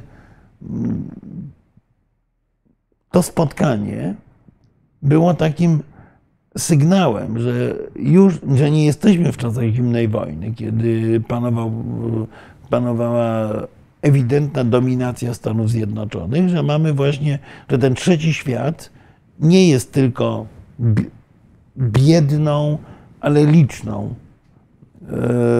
populacją, tylko jest populacją, która ma również potężną, potężne uzbrojenie, potężny przemysł i potężne narzędzia nacisku. E, w, w, w, ten, w, tym sensie to spotkanie BRICS było niesłychanie istotne, a z kolei wyprawa Władimira Putina do Turkmenistanu, teraz jeszcze do Tadżykistanu się wybiera.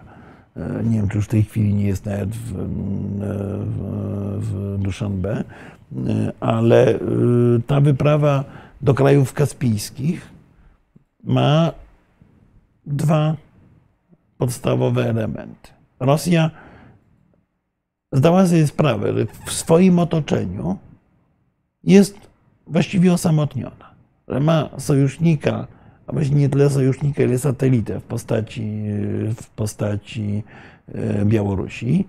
Natomiast wszystkie inne kraje są dyskretnie bądź wprost sceptyczne wobec rosyjskiej agresji na, na Ukrainę. Oczywiście przede wszystkim dlatego, że same się boją, że za chwilę będą ofiarami. Ale, ale te kraje też mają narzędzia dla, z punktu widzenia Rosji istotne. Bo na tym szczycie państw kaspijskich spotkali się Rosjanie z Turkmenami, Irańczykami, Azerami, czyli państwami, które są wielkimi producentami gazu i ropy. E, mało kto ma świadomość, że największym eksporterem gazu do Chin wcale nie jest Rosja, tylko jest to Turkmenistan właśnie. E, że krajem o potencjalnie najłatwiejszych do uruchomienia zasobach zarówno gazu, jak i ropy jest Iran.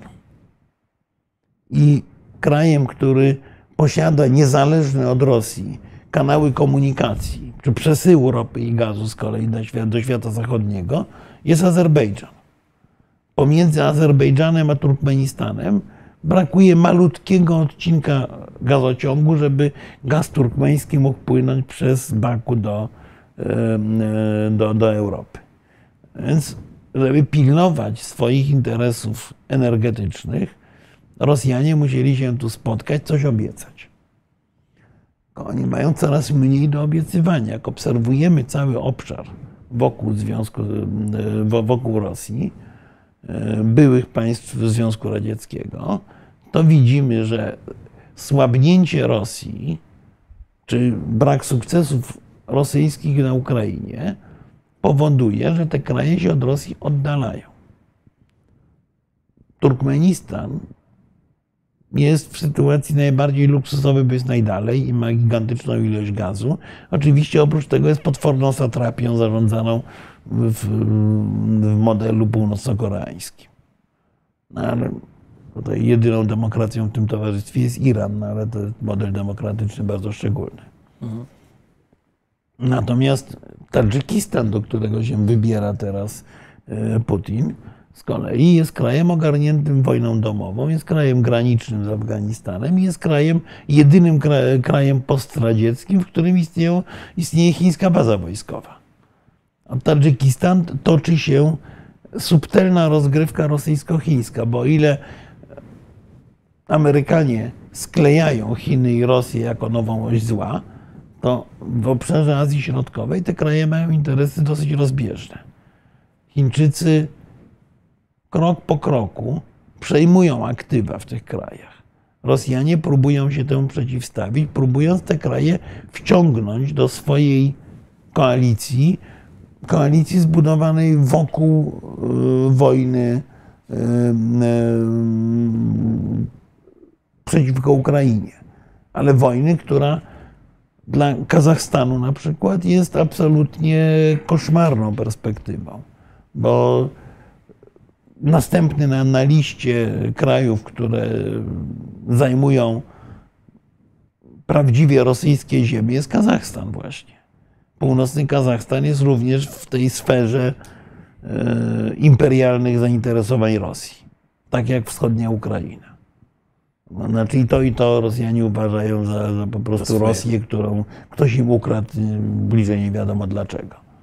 E, więc e, spotkanie państw Morza Kaspijskiego było próbą oddalenia niebezpieczeństw, które Putin dostrzega w tym regionie i energetycznych, i politycznych. Wyprawa do Tadżykistanu prawdopodobnie jest y, próbą dość mało kosztownego. Tadżykistan jest potwornie biednym państwem.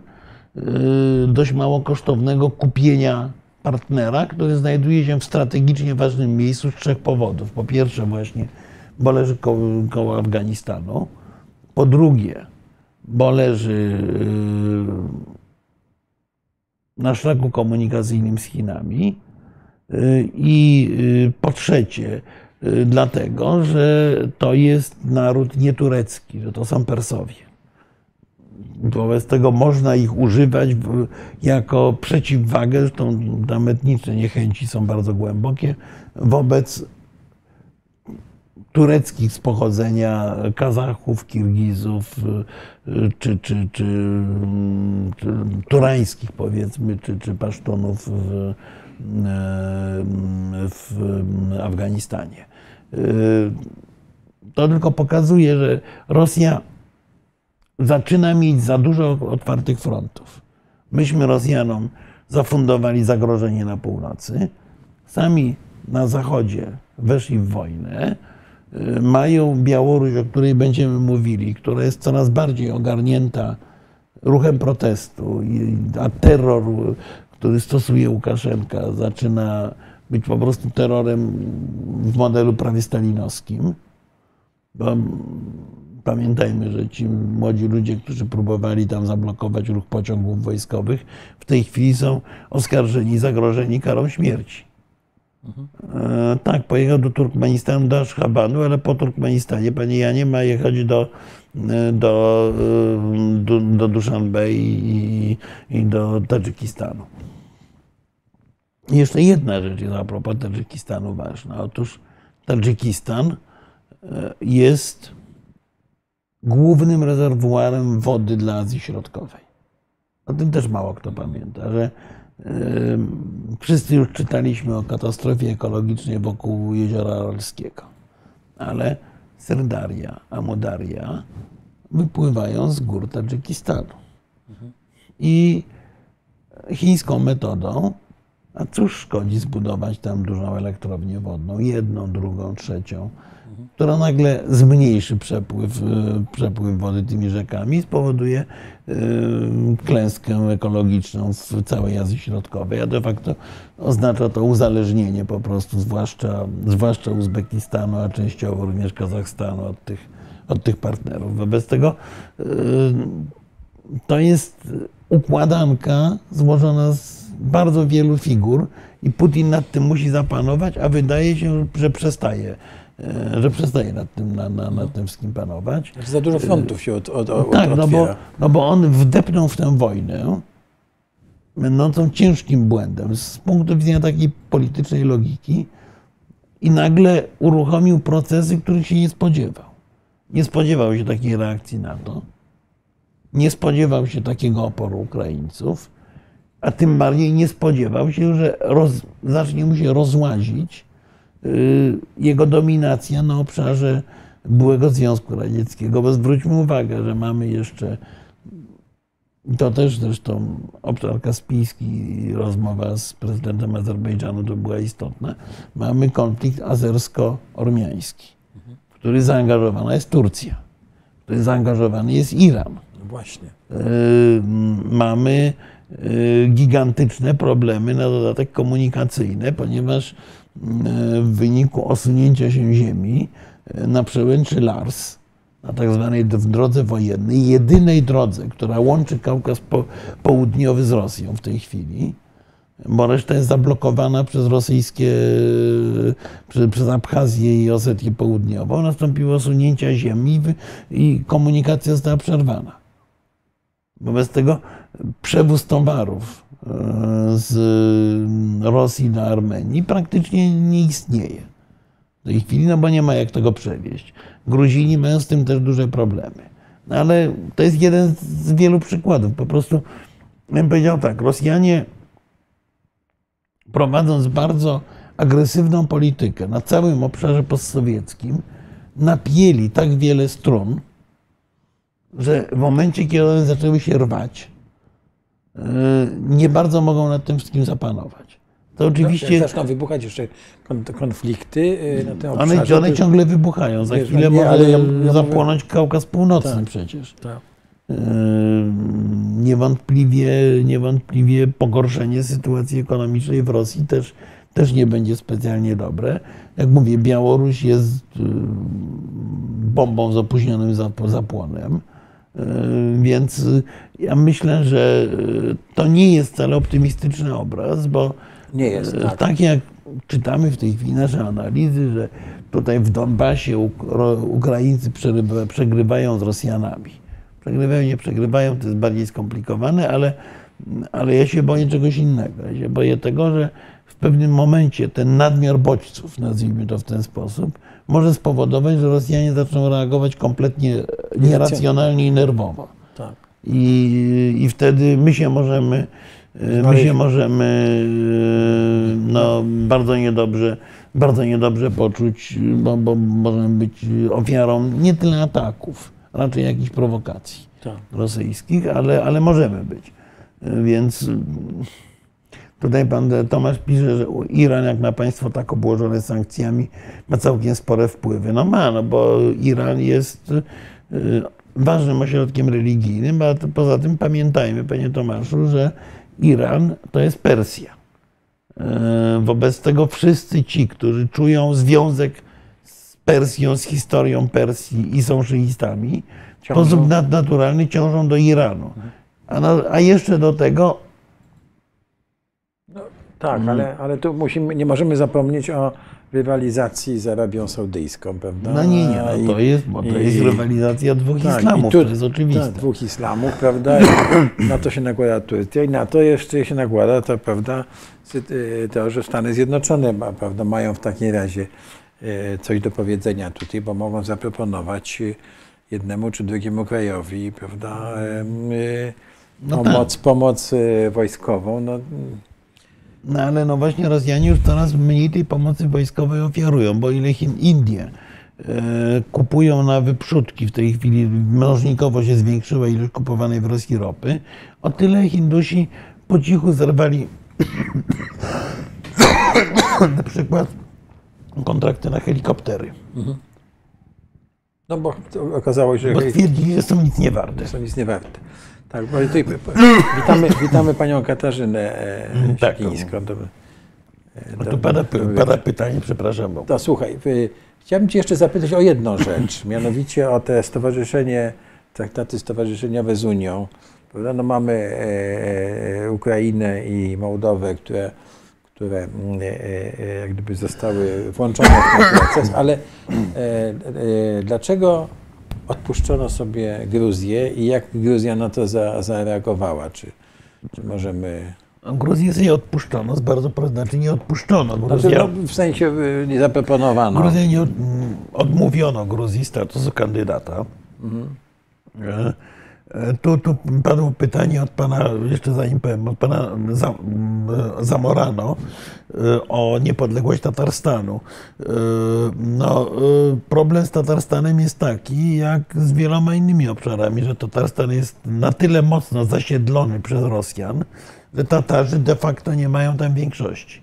Wobec tego szansa na niepodległość Tatarstanu jest ograniczona przez kwestię etniczną po prostu. No, tak samo jak, y, nie wiem, Ormianie nie mogą myśleć o odzyskaniu tak zwanej zachodniej Armenii czy, czy wschodniej, wschodniej Anatolii, bo, bo ich tam już nie tam są Turcy. W wypadku Tatarstanu, ta, o ile pamiętam, y, 30 parę procent osób to, to, to są przynajmniej z, z, tych religijnych muzułmanie, więc trochę za mało na to, żeby zbudować niepodległość. Jednak zwra- proszę zwrócić uwagę, że wszystkie badania na temat na przykład zachowań mniejszości rosyjskiej, nawet w krajach bałtyckich, gdzie ci Rosjanie nagle stają się częścią zamożnej Unii Europejskiej, y, są takie, że oni mimo wszystko w ogromnej części popierają politykę Putina i polegają, po, po, popierają politykę Rosji. Rosji. Rosjanie są rzeczywiście patriotyczni, nacjonalistyczni, jak zwał, tak zwał. Także, te, te, także tutaj, tutaj jest, y, jest, jest problem z Tatarstanem, no właśnie, właśnie taki. Taki. Y, Raczej jest, te- raczej to to, to jest y, wynik y, jeszcze XIX-wiecznych podbojów, czy No tak, tak, czy- tak, tak. No, to była świadoma polityka rosyjska, e, Odwrotnie. rusyfikacji, zasiedlanie i tak Tak. dalej. W tej chwili e, dzięki dużo większej dzietności ludności muzułmańskiej, to, ten, to, to wahadło idzie powoli w drugą stronę, ale na razie, na, na razie jeszcze nie przekroczyło, nie przekroczyło tej, tej, tej granicy większościowej. to, my, myśmy, to wróćmy jeszcze do, do, do Gruzji. No, w wypadku Gruzji, yy, znaczy wszyscy porównują słusznie Gruzję z Mołdawią, Tak. bo oba kraje były krajami stowarzyszonymi, oba pracowały nad zbliżeniem z Europą, tylko proszę zwrócić uwagę, że w wypadku Gruzji następował regres w ostatnich latach. Regres, jeśli idzie o gospodarkę, regres, jeśli idzie o y, procedury demokratyczne i tak dalej, i tak Gruzja jest de facto y, krajem rządzonym przez jedną osobę, przez Bidzinę Iweniszwilego. Y, Akurat ostatnio ukazał się raport Transparency International dotyczący właśnie tego, że nam, nie wiem, ochroniarz y, Iwaniszwilego zostaje ministrem, y, jego prawnik jest prokuratorem generalnym i No tak tak, dalej, i tak dalej. no, Premier sam mówi, że jest wzywany przez prywatnego obywatela, który jest po prostu mili- miliarderem i, i mu się spowiada z konkretnych działań politycznych. Przecież Zachód to obserwuje i widzi, że rządy gruzińskiego marzenia są rządami raczej regresu i raczej powolnego powrotu do strefy oddziaływania Rosji. Ja myślę, że decydujące znaczenie w tym wszystkim miała, miało to, że y, Gruzja nie przyłączyła się nawet symbolicznie do sankcji przeciwko Rosji. Oczywiście Gruzini byli proszeni na przykład przez Ormian, że broń Boże nie zamykali przestrzeni powietrznej. No bo wtedy byłaby Rosja całkowicie już zamknięta, tam do Armenii by nie było dotarcia i tak dalej. Natomiast y, no, y, rząd, rząd gruziński y, chyba za bardzo próbował lawirować i to zostało dostrzeżone z jednej strony, a z drugiej strony Gruzja no, byłaby dodatkowym kłopotem dla Unii Europejskiej. O jednym za dużo. Gruzini też zresztą nie naciskali tak przesadnie, bo oni, y, bo oni y, właściwie to, na czym najbardziej zależało, to był ruch bezwizowy, który dostali. Więc y, to jest problem, na ile nacisk społeczny, bo demonstracje w Gruzji są ogromne, na ile nacisk społeczny wpłynie na to, że rząd zmieni swoją politykę. Czyli Myślę, że może się powtórzyć taka sytuacja, że te protesty społeczne zmienią rząd? Mm, O ile, y, o ile będą miały jeszcze życzliwy stosunek niektórych mocarstw, to tak. Tutaj prze- Znaczy na pewno jest to kwestia tego, jak głęboko Unia Europejska będzie gotowa zaangażować się na tym obszarze, a, yy, a jeszcze bardziej, jak, jak głęboko będą zainteresowane Stany Zjednoczone, żeby się na tym obszarze za, zaangażować. No bo No, raczej Gruzini, Gruzini są przerażeni oczywiście tym, że będą, yy, że będą w tej samej sytuacji co Ukraina, czyli na pod, z yy, obszaru zagarniętych y, regionów, że wyjdzie kolejna ofensywa, która. ofensywa, a na pewno będą, destabilizowani jakby co. Tak, tak, tak. No, więc oni, y, oni rzeczywiście są politycznie nadostrożni, ale, no, ale z drugiej strony y, te reformy antykorupcyjne, demokratyzu- demo- demokratyzujące Gruzję buksują w miejscu. E, Mołdawia bardzo zdecydowanie e, zrobiła krok do przodu i uzyskała nagrodę w postaci statusu kandydata. Gruzja dostała 12 punktów, które musi wypełnić, e, żeby ten status kandydacki otrzymać. E, To nie są jakieś straszne rzeczy, ale, ale e, Komisja Europejska bardzo wyraźnie sformułowała pewne oczekiwania wobec, wobec Gruzji. Jeżeli je wypełni, to ten status kandydacki będzie miała. Słuchaj, tam było pytanie, e, na które, które padło dosyć często, czy Putin sobie zdaje sprawę z porażki. No, ja rozumiem, że to, o czym tu mówiliśmy, czyli to, że on e, jeździ prawda, z- teraz po tych e, Gasi obszarach, pożar.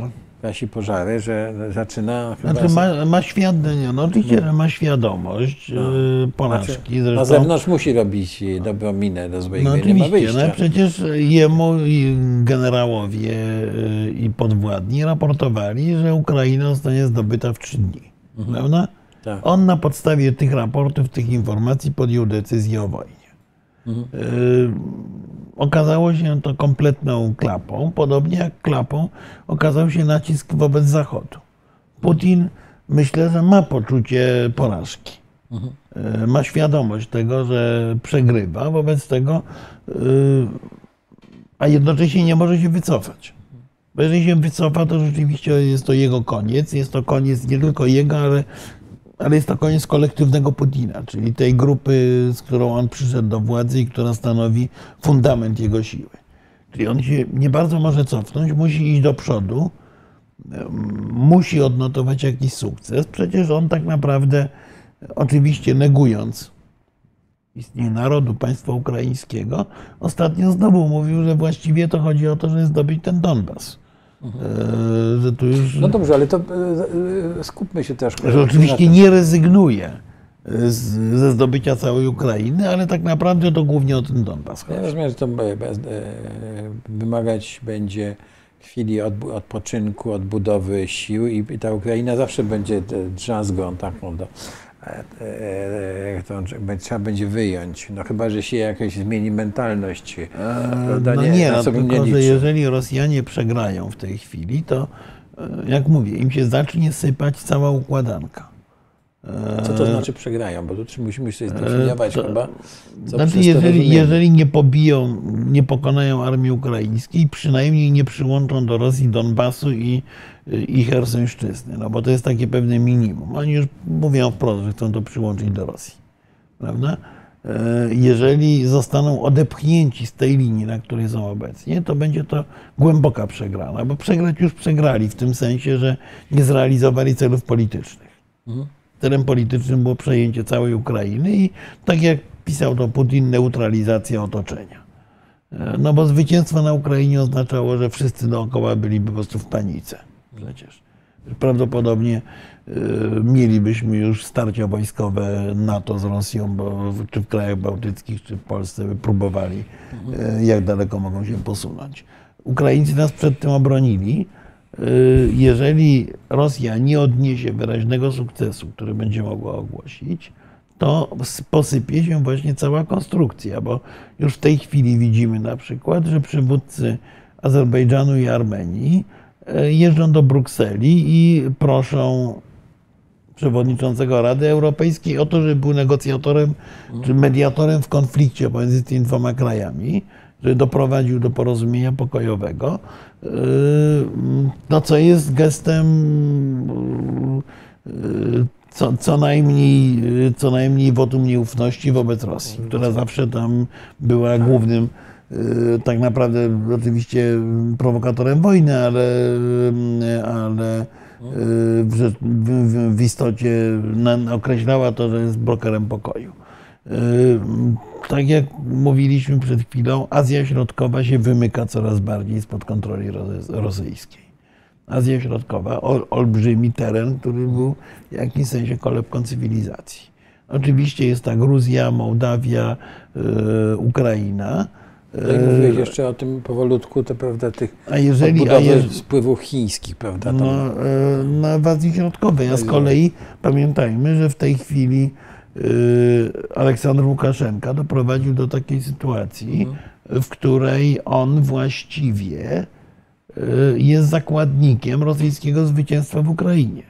Bo jeżeli Rosjanie się będą musieli cofnąć, to będą dwa wyjścia. Albo przyłączają Białoruś do Rosji, albo społeczeństwo białoruskie zdoła się przed tym obronić. I wtedy jest koniec Łukaszenki, Białoruś śladem Ukrainy rusza na zachód. No i wtedy nagle cała ta opowieść o Rosji się sypie. I wtedy rzeczywiście mamy natychmiast e, ruchy separatystyczne czy niepodległościowe na północnym Kaukazie, te różne Kabałdyno-Balkarie, Bał- Bałkarie, Dagestany i tak dalej. To wszystko też się może upomnieć o, o niezależność. E, zaczyna się chwiać e, centralistyczna władza Moskwy nad Syberią, to po prostu się rozsypuje. I to, co Państwo mówili tam w komentarzach w pewnym momencie, że Amerykanie nie chcą klęski Rosji, tylko chcą osłabienia Rosji. Coś w tym jest, bo Zachód boi się, e, Zachód boi się tego, że upadek państwa rosyjskiego będzie groził takimi turbulencjami w skali globalnej, że nikt nad tym nie zapanuje. No przynajmniej jest jakiś y, y, y, satrapa w Moskwie lepszy, gorszy, ale jest z kim rozmawiać. A co jak nie będzie z kim rozmawiać? No to właśnie. jest, y, to, to, to, to, to jest nie problem to zagrożenie. A, a będziesz miał chaos tylko, prawda? I No więc jest zagrożenie No tak. taką implozją Ros Rosji w momencie porażki y, takiej z prawdziwego zdarzenia. Wobec tego tutaj y, rzeczywiście część państw zachodnich nie chce, żeby coś takiego nastąpiło. Natomiast logika, logika wojny, czy logika w ogóle tego typu konfliktu jest taka, że mm, no, może się zdarzyć wszystko. Ja zakładam, że zdarzy się to, co z naszego punktu widzenia byłoby najlepsze, czyli że Rosja zostanie upokorzona. No bo to by dokończyło proces rewolucji, która się tam toczyła na, tym, na tych obszarach Związku Sowieckiego od roku 89, od czasów Gorbaczowa. To przecież zmiana mentalności Ukraińców, zmiana mentalności Białorusinów jest tak gigantyczna, że my sobie nie, nie bardzo zdajemy sprawę, że ta rewolucja dopiero w tej chwili wchodzi w drugą fazę. Bo tak naprawdę proszę, proszę pamiętać, że odchodzi w tej chwili to pokolenie, które pamięta komunizm. ci ludzie, którzy w tej chwili przychodzą, to pokolenie, które przychodzi do, do, do, do władzy, to, to, to jest pokolenie, które y, wychowało się jako dorośli ludzie już w niepodległych państwach. Mniej, bardziej niepodległych, skorumpowanych, oligarchicznych, zgoda niepodległych. Nie pamiętają modelu komunistycznego. Dla nich nie jest to w ogóle argument, że za komuny było gorzej. Chciałbym zapytać jeszcze o właśnie te państwa e, Kaukazu, Azji, e, czyli tej strefy wpływów Rosji. Jaki tam jest stosunek do Rosjan? Czy to jest tak, że e, jest takie poczucie, że ci Rosjanie to jednak byli kolonizatorzy? Jedne, czy, czy jest tak. na przykład takie podejście jak nie wiem, do Anglików, prawda, w, w mm. Indiach, gdzie... gdzie eee, gorsze. Znaczy, Rosjanie, Rosjanie są E, są znienawidzeni rzeczywiście w bardzo wielu tych krajach. Ja obserwowałem to, nie wiem, w Kazachstanie, obserwowałem mhm. to w najbardziej, e, najsilniej związanej z Rosją Armenii również. Mhm. Paradoksalnie naj, najlepiej Rosjanie byli postrzegani na Białorusi i na Ukrainie. Mhm. No, na Ukrainie to już jest przeszłość. Przeszłość, tak. Na Białorusi to się też bardzo mocno zmienia w tej chwili. Nie mamy poważnych badań, więc nie, nie nie, nie, nie, nie możemy się łączyć w tej kwestii, natomiast też widać, że to się zmienia.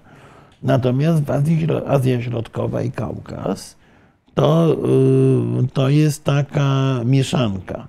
Z jednej strony strachu przed Rosjanami, a z drugiej strony niechęci, y, na dodatek podszytej pewną pogardą. Bo y, Ormianie, Gruzini, Uzbecy również, czy, czy uważają się za stare historyczne narody. Narody, które były narodami wielkimi w przeszłości. A tutaj ta dzicz rosyjska się panoszy. Tak, no. Tak. Musimy ich znosić, ale przecież no, y,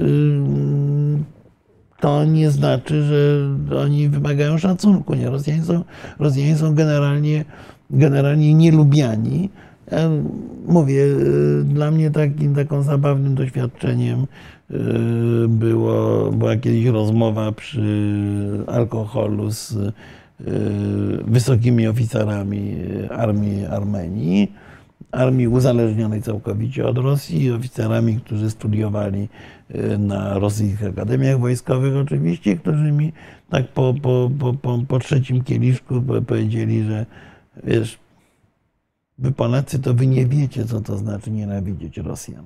To my wiemy. Tak. Więc, więc tu, tutaj te psychologiczne, psychologiczna układanka jest, jest yy, yy, bardzo szczególna, yy, podszyta kompleksami, podszyta czasami niechęcią, nazwijmy to rasową i tak dalej, podszyta zupełnie inną tradycją, a tam, gdzie Rosjanie mieli względnie dobry wizerunek, to go właśnie na własne życzenie teraz stracili.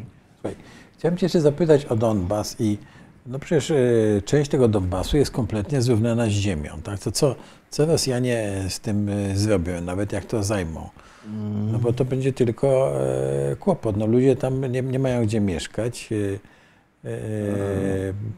Tak samo i Mariupol. No Mariupol przynajmniej jest portem, więc trzeba będzie odbudować jakiś no, dostęp do, no, do, no, do nie, no, i tak dalej. Nie, no, część portowa Mariupola zdaje się działa. Tak. Yy,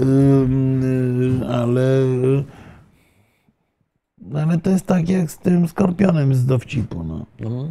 No, no, no, znany stary dowcip z brodą o tym, jak to skorpion i żabo się przez rzekę przedostawali. No i skorpion na środku rzeki urządnił żabę. No, żaba mówi, no przecież no, zginiemy oboje, dlaczego to zrobiłeś? No bo taką mam naturę. Więc y, mam wrażenie, że w wypadku Rosji to jest już w tej chwili, y, w tej chwili jest to dążenie do y, zniszczenia Ukrainy, która ośmieliła się upomnieć o niepodległość. Rozumiem, Baz, no, no, bazujące na no emocjach, a, nie na, na, a nie na logice. Mhm. Rozumiem. Y, proszę Państwa, mamy jeszcze, no, zbliżamy się do końca powoli. Ja bym chciał nawiązać do tego, co tam padało o kanale augustowskim, y, o tym przekopie jeszcze, że jest dużo turystów. No bardzo dobrze, że dużo turystów. tak, że to, będzie atrakcyjne miejsce, no bo jest przekop, prawda, śluza i to jest zawsze ładna budowla do, do oglądania, ale e, e, jeśli chodzi o kanał Augustowski, to piękna budowla, to ja bym chciał przypomnieć Państwu i polecić na przykład pamiętniki generała Prądzyńskiego, który był budowniczym tego kanału, tak żebyś też chwilkę odpoczął. No, jeden prawda? z najwybitniejszych dowódców I powstania tak, a listopadowego. do tego jeszcze, jak on wspomina, prawda, jak e, e, kanał augustowski, co to było, od tego zacznijmy, prawda? Pamiętamy, że powstawało staropolskie zagłębie przemysłowe na, w okolicach Kielc, to mamy dzisiaj Starachowice, prawda, i, i te okolice. E, e, I y, ci panowie, którzy zam- zam- zamierzali robić tę inwestycję, no to e, e, chcieli, żeby towary z Zagłębia Staropolskiego były eksportowane e, poza królestwo.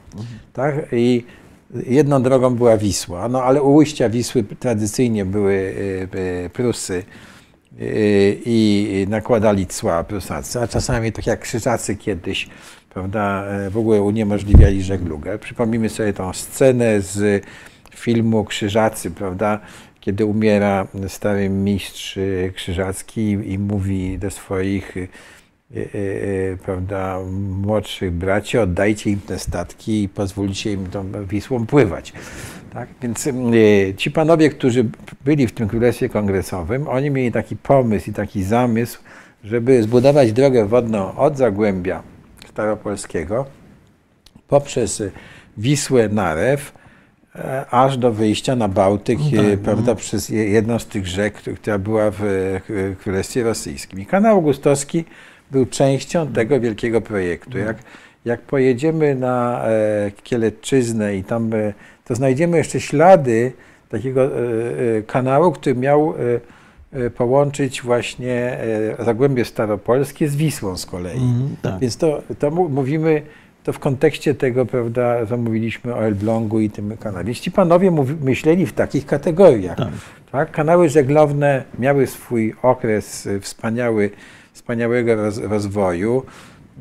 E, Rzeczpospolita jeszcze jak była wolna zbudowała kilka, bo to jest kanał Ogińskiego, e, kanał królewski, Tak. który ułatwiał żeglugę, łączył rzeki i tak dalej, i tak dalej, więc bardzo, e, może jakiś osobny odcinek, poprosimy kogoś nie wiem, ze SGH No nie, z no- tego, no tak, no żeby to to, wszystko kwestia- omówić. Kwe- no, To jest kwestia E. tego, że to było myślenie strategiczne, Tak, a nie tak. myślenie w kategorii Tak. I- sprzedania PR-owskiego Tak, i, jakiegoś i, pomysłu. i, i ci panowie, no właśnie e, Kołąta i właśnie generał Mhm. Prądzyński, wrócę jeszcze do jego pamiętników i bardzo warto było je przeczytać, jak e, e, mm, jeszcze książę Konstanty stanął i mówi, czy ja mam powiedzieć, e, prawda, jego, jego wysokości ca- carowi, że nie ma wśród korpusu prawda, moich e, wojskowych, nie ma nikogo, kto by umiał zbudować kanał. tak. I, i, I wtedy właśnie Prądzyński pisze, że on kupił ileś tych książek, jak to się robi i jechał do Augustowa i w drodze do Augustowa prawda, czytał te Tak. książki. I tak oni się tego uczyli, ale tu jest e, słuszna Twoja uwaga, że trzeba patrzeć na to, jak to było e, planowane, jaki to był rozmach tych inwestycji w tym Królestwie Kongresowym. To oczywiście się zawaliło e, troszkę przez powstanie e, Listopadowe. e, list- listopadowe, prawda? No potem przyszły koleje i, i kanały przestały mieć takie wielkie znaczenie transportowe. Jakkolwiek jeszcze, jeszcze w XX wieku prawda, budowano, na, za- jak ma się wielką rzekę taką jak Ren e, i Dunaj, prawda, to można budować No, ale, kanały. myśmy, no, ale myśmy też mieli wielkie Tak. rzeki, tylko no potem zostały poszatkowane granicami. granicami A poza tym, e, poza tym zbiednieliśmy. No jednak y, przecież y, właśnie wojny te inflanckie, no toczyły się o żeglugę narewską po o, Narwie. ujść, o ujście. E, tak. o ujście Dźwiny, czyli Tak. którego ujścia jest Ryga. E, Toczyły się o żeglugę niemeńską, która kończyła się przy Kłajpedzie. E, Potęgą był Gdańsk, który z kolei pilnował ujścia Wisły. To, to, to, to były centra, centra handlowe. Tak, więc jak mówimy prawda, o, o kanałach, to po prostu warto się tym zainteresować, bo e, jak tylko chcę przypomnieć, i ja odbyłem taką podróż e, e, pomiędzy Wisłą a, a, aż do, do Renu przez pochylnie w Niedenfino, kanałem bydgoskim. Oczywiście to było niewielką łódeczką, tak, ale można tak było przepłynąć i to też, co prawda to była pruska inwestycja, no ale też o, e, takie rzeczy się robiło.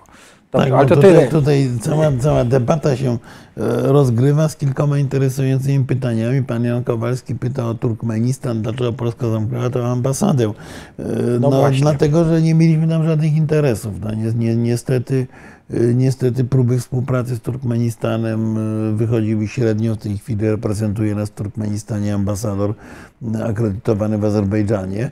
E, Ma również e, na, na Turkmenistan misję. No to, jest, to jest kraj, który został e, zdemolowany przez satrapię po prostu. No, rządy, rządy i i starszego z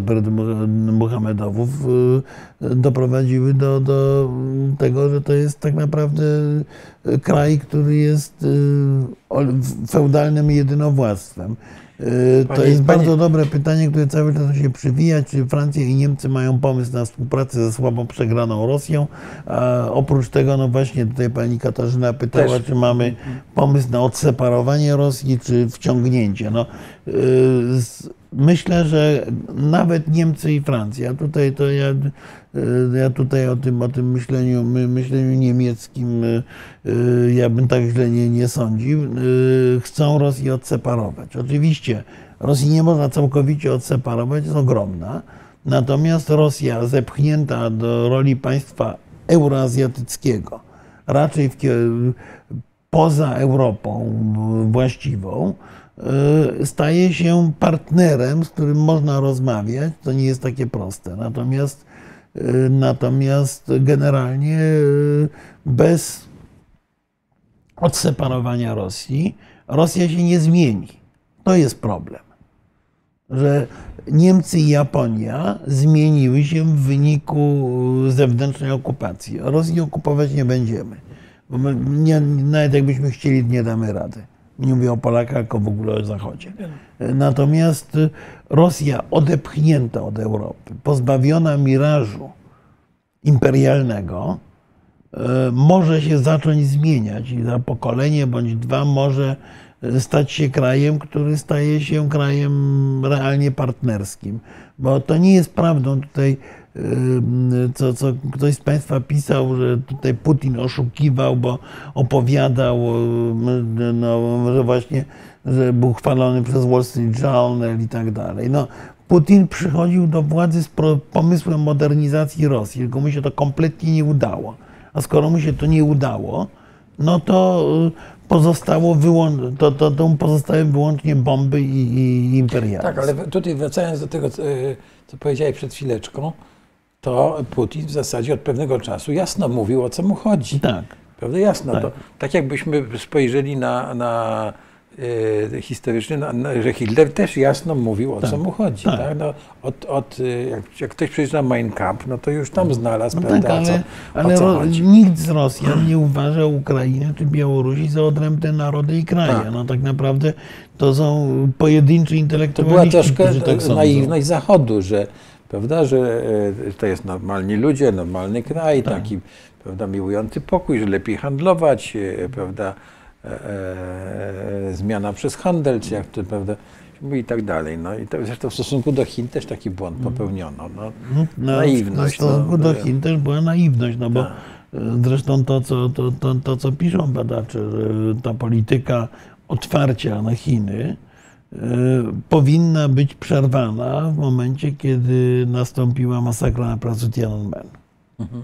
Ale wtedy już za dużo amerykańskich wielkich kompanii, wielkich firm było Już zaangażowanych było w. Chinach, więc nagle nie postawiono warunków politycznych. jakoś to przełknięto, prawda? i, i, i dalej brnięto we współpracę. Ja bym chciał jeszcze zwrócić uwagę na jedną rzecz, cokolwiek byśmy nie powiedzieli, prawda, to jednak e, ta decyzja europejska, żeby zrezygnować z ropy, tak, znaczy to się jeszcze nie stało, zrezygnować z gazu, przynajmniej, prawda, e, z, e, decyzja Niemiec, żeby zwiększyć wydatki na zbrojenia, no, że to są No nie, e, to zmiany, są wszystko zmiany mentalne e, gigantyczne. Gigantyczne, to po prostu To oczywiście do końca nie będzie wychodziło, ale nawet Tak. jeżeli wyjdzie w 60%, Proces to się bardzo zaczął, dobrze. tak? tak. Czyli i, i w tym bym No i widział... to tak również było ze szczytem NATO, też uruchomił pewne procesy. Tak. Mm, y, Generał Różański powiada, że no, on jest y, umiarkowanie zawiedziony, bo tego, tego, tego nie było. Tak, ale ruszyliśmy we właściwym kierunku jako NATO po dłuższym okresie buksowania. Tak, no przypomnijmy sobie, prawda, od naszych deklaracji, że chcemy wstąpić do NATO, prawda, aż do, prawda, ile to zajęło? 11, 12 lat, tak? Y, Nie, no krócej. Myśmy, Ja mówię o pierwszych takich w no, 90. To był drugim- 91, drugi, drugi rok. rok, to były Tak. pie- pierwszy taki list, zresztą My- uczestniczyłem w jego Tak. pisaniu, a weszliśmy w 99, no to było No. 7 lat. 7 lat, no to tak, ale, no, ale to była intensywna e, e, tak. praca, prawda, i e, e, no myśmy, że tak powiem, się sp- sprawdzili w, w pewnym sensie, tak, jako Mhm. ten, ten e, partner. Zresztą, e, co, jest śmieszne, e, dużo się mówi o tym, że ta op- operacja samą się Mhm. przyczyniła. Ja nie wiem, czy się przyczyniła, czy nie, jakoś tak trochę jestem sceptyczny co do tego, ale ciekawa rzecz się wydarzyła i trochę śmieszna, że wszyscy ci oficerowie wywiadu Mhm. dostali, wiesz, emerytury Mhm. od CIA, Tak. tak? A, a nasze, a nasze e, e, że tak powiem, władze ich e, tych emerytów po, pozbawiły, prawda? No tak, no w wyniku tam procewy tych, tych szaleń. No i to strasznie właściwie jest taki gorzka, gorzka refleksja, także... E, Więc No tak, no to pada jeszcze pytanie, czy będzie możliwe rozbrojenie Rosji z potencjału atomowego. Nie. No, żaden raczej- przytomny kraj się nie da rozbroić, nie da Tak. sobie zebrać broni Znaczy, atomowej. Jedyna, no właśnie dlatego tutaj się nie zgadzam z panią Katarzyną, że Rosja odepchnięta może się stać niebezpieczna. Niebezpieczna już jest. E, Natomiast Rosja odepchnięta e, nie będzie miała narzędzi modernizacji tego uzbrojenia i ono, Rosja będzie rozbrajana poprzez e, starzenie się po prostu. No, pani Katarzyna wydaje mi się, pododała, prawda, że to nie jest takie Mhm. mocne stwierdzenie, tylko Tak, tak, takie- ale, y, ale oczywiście no, nikt się, jedna jedyna Ukraina się rozbroiła dobrowolnie z broni atomowej i teraz płaci za to sk- skutki. Nikt więcej już taki naiwny nie będzie. Y, Więc y, y, to zarówno, zarówno Korea Północna dowiodła, jak dowodzi w tej chwili sytuacja właśnie z Rosją, że broń atomowa jest ar- argumentem, z którego nikt nie, nie, nie zrezygnuje, jak nie musi. To co, słuchaj, w zasadzie musimy Tak, kończyć no, na dzisiaj. jak, jak, Nic- zwykle, jak, jak zwykle zaczęliśmy od NATO, i tak skończyliśmy na Rosji. Ja, no bo w zasadzie Rosja była e, tym katalizatorem Tak. tych zmian, e, które się tutaj e, dzieją e, na, na świecie. Czyli zapraszamy Państwa tak, na w niedzielę, w niedzielę z z ambasadorem Łatuszką Łatuszką i, o, Białorusi. i będziemy informować o innych tematach, które Tak, będziemy no nie, nie, nie, niestety, nie, niestety no mimo wakacji nawet konflikty i polityka nam tych tematów zapewniają aż za dużo. Tak. No i y, ja może drugi raz się wybiorę, żeby zobaczyć y, przekop. w takim razie.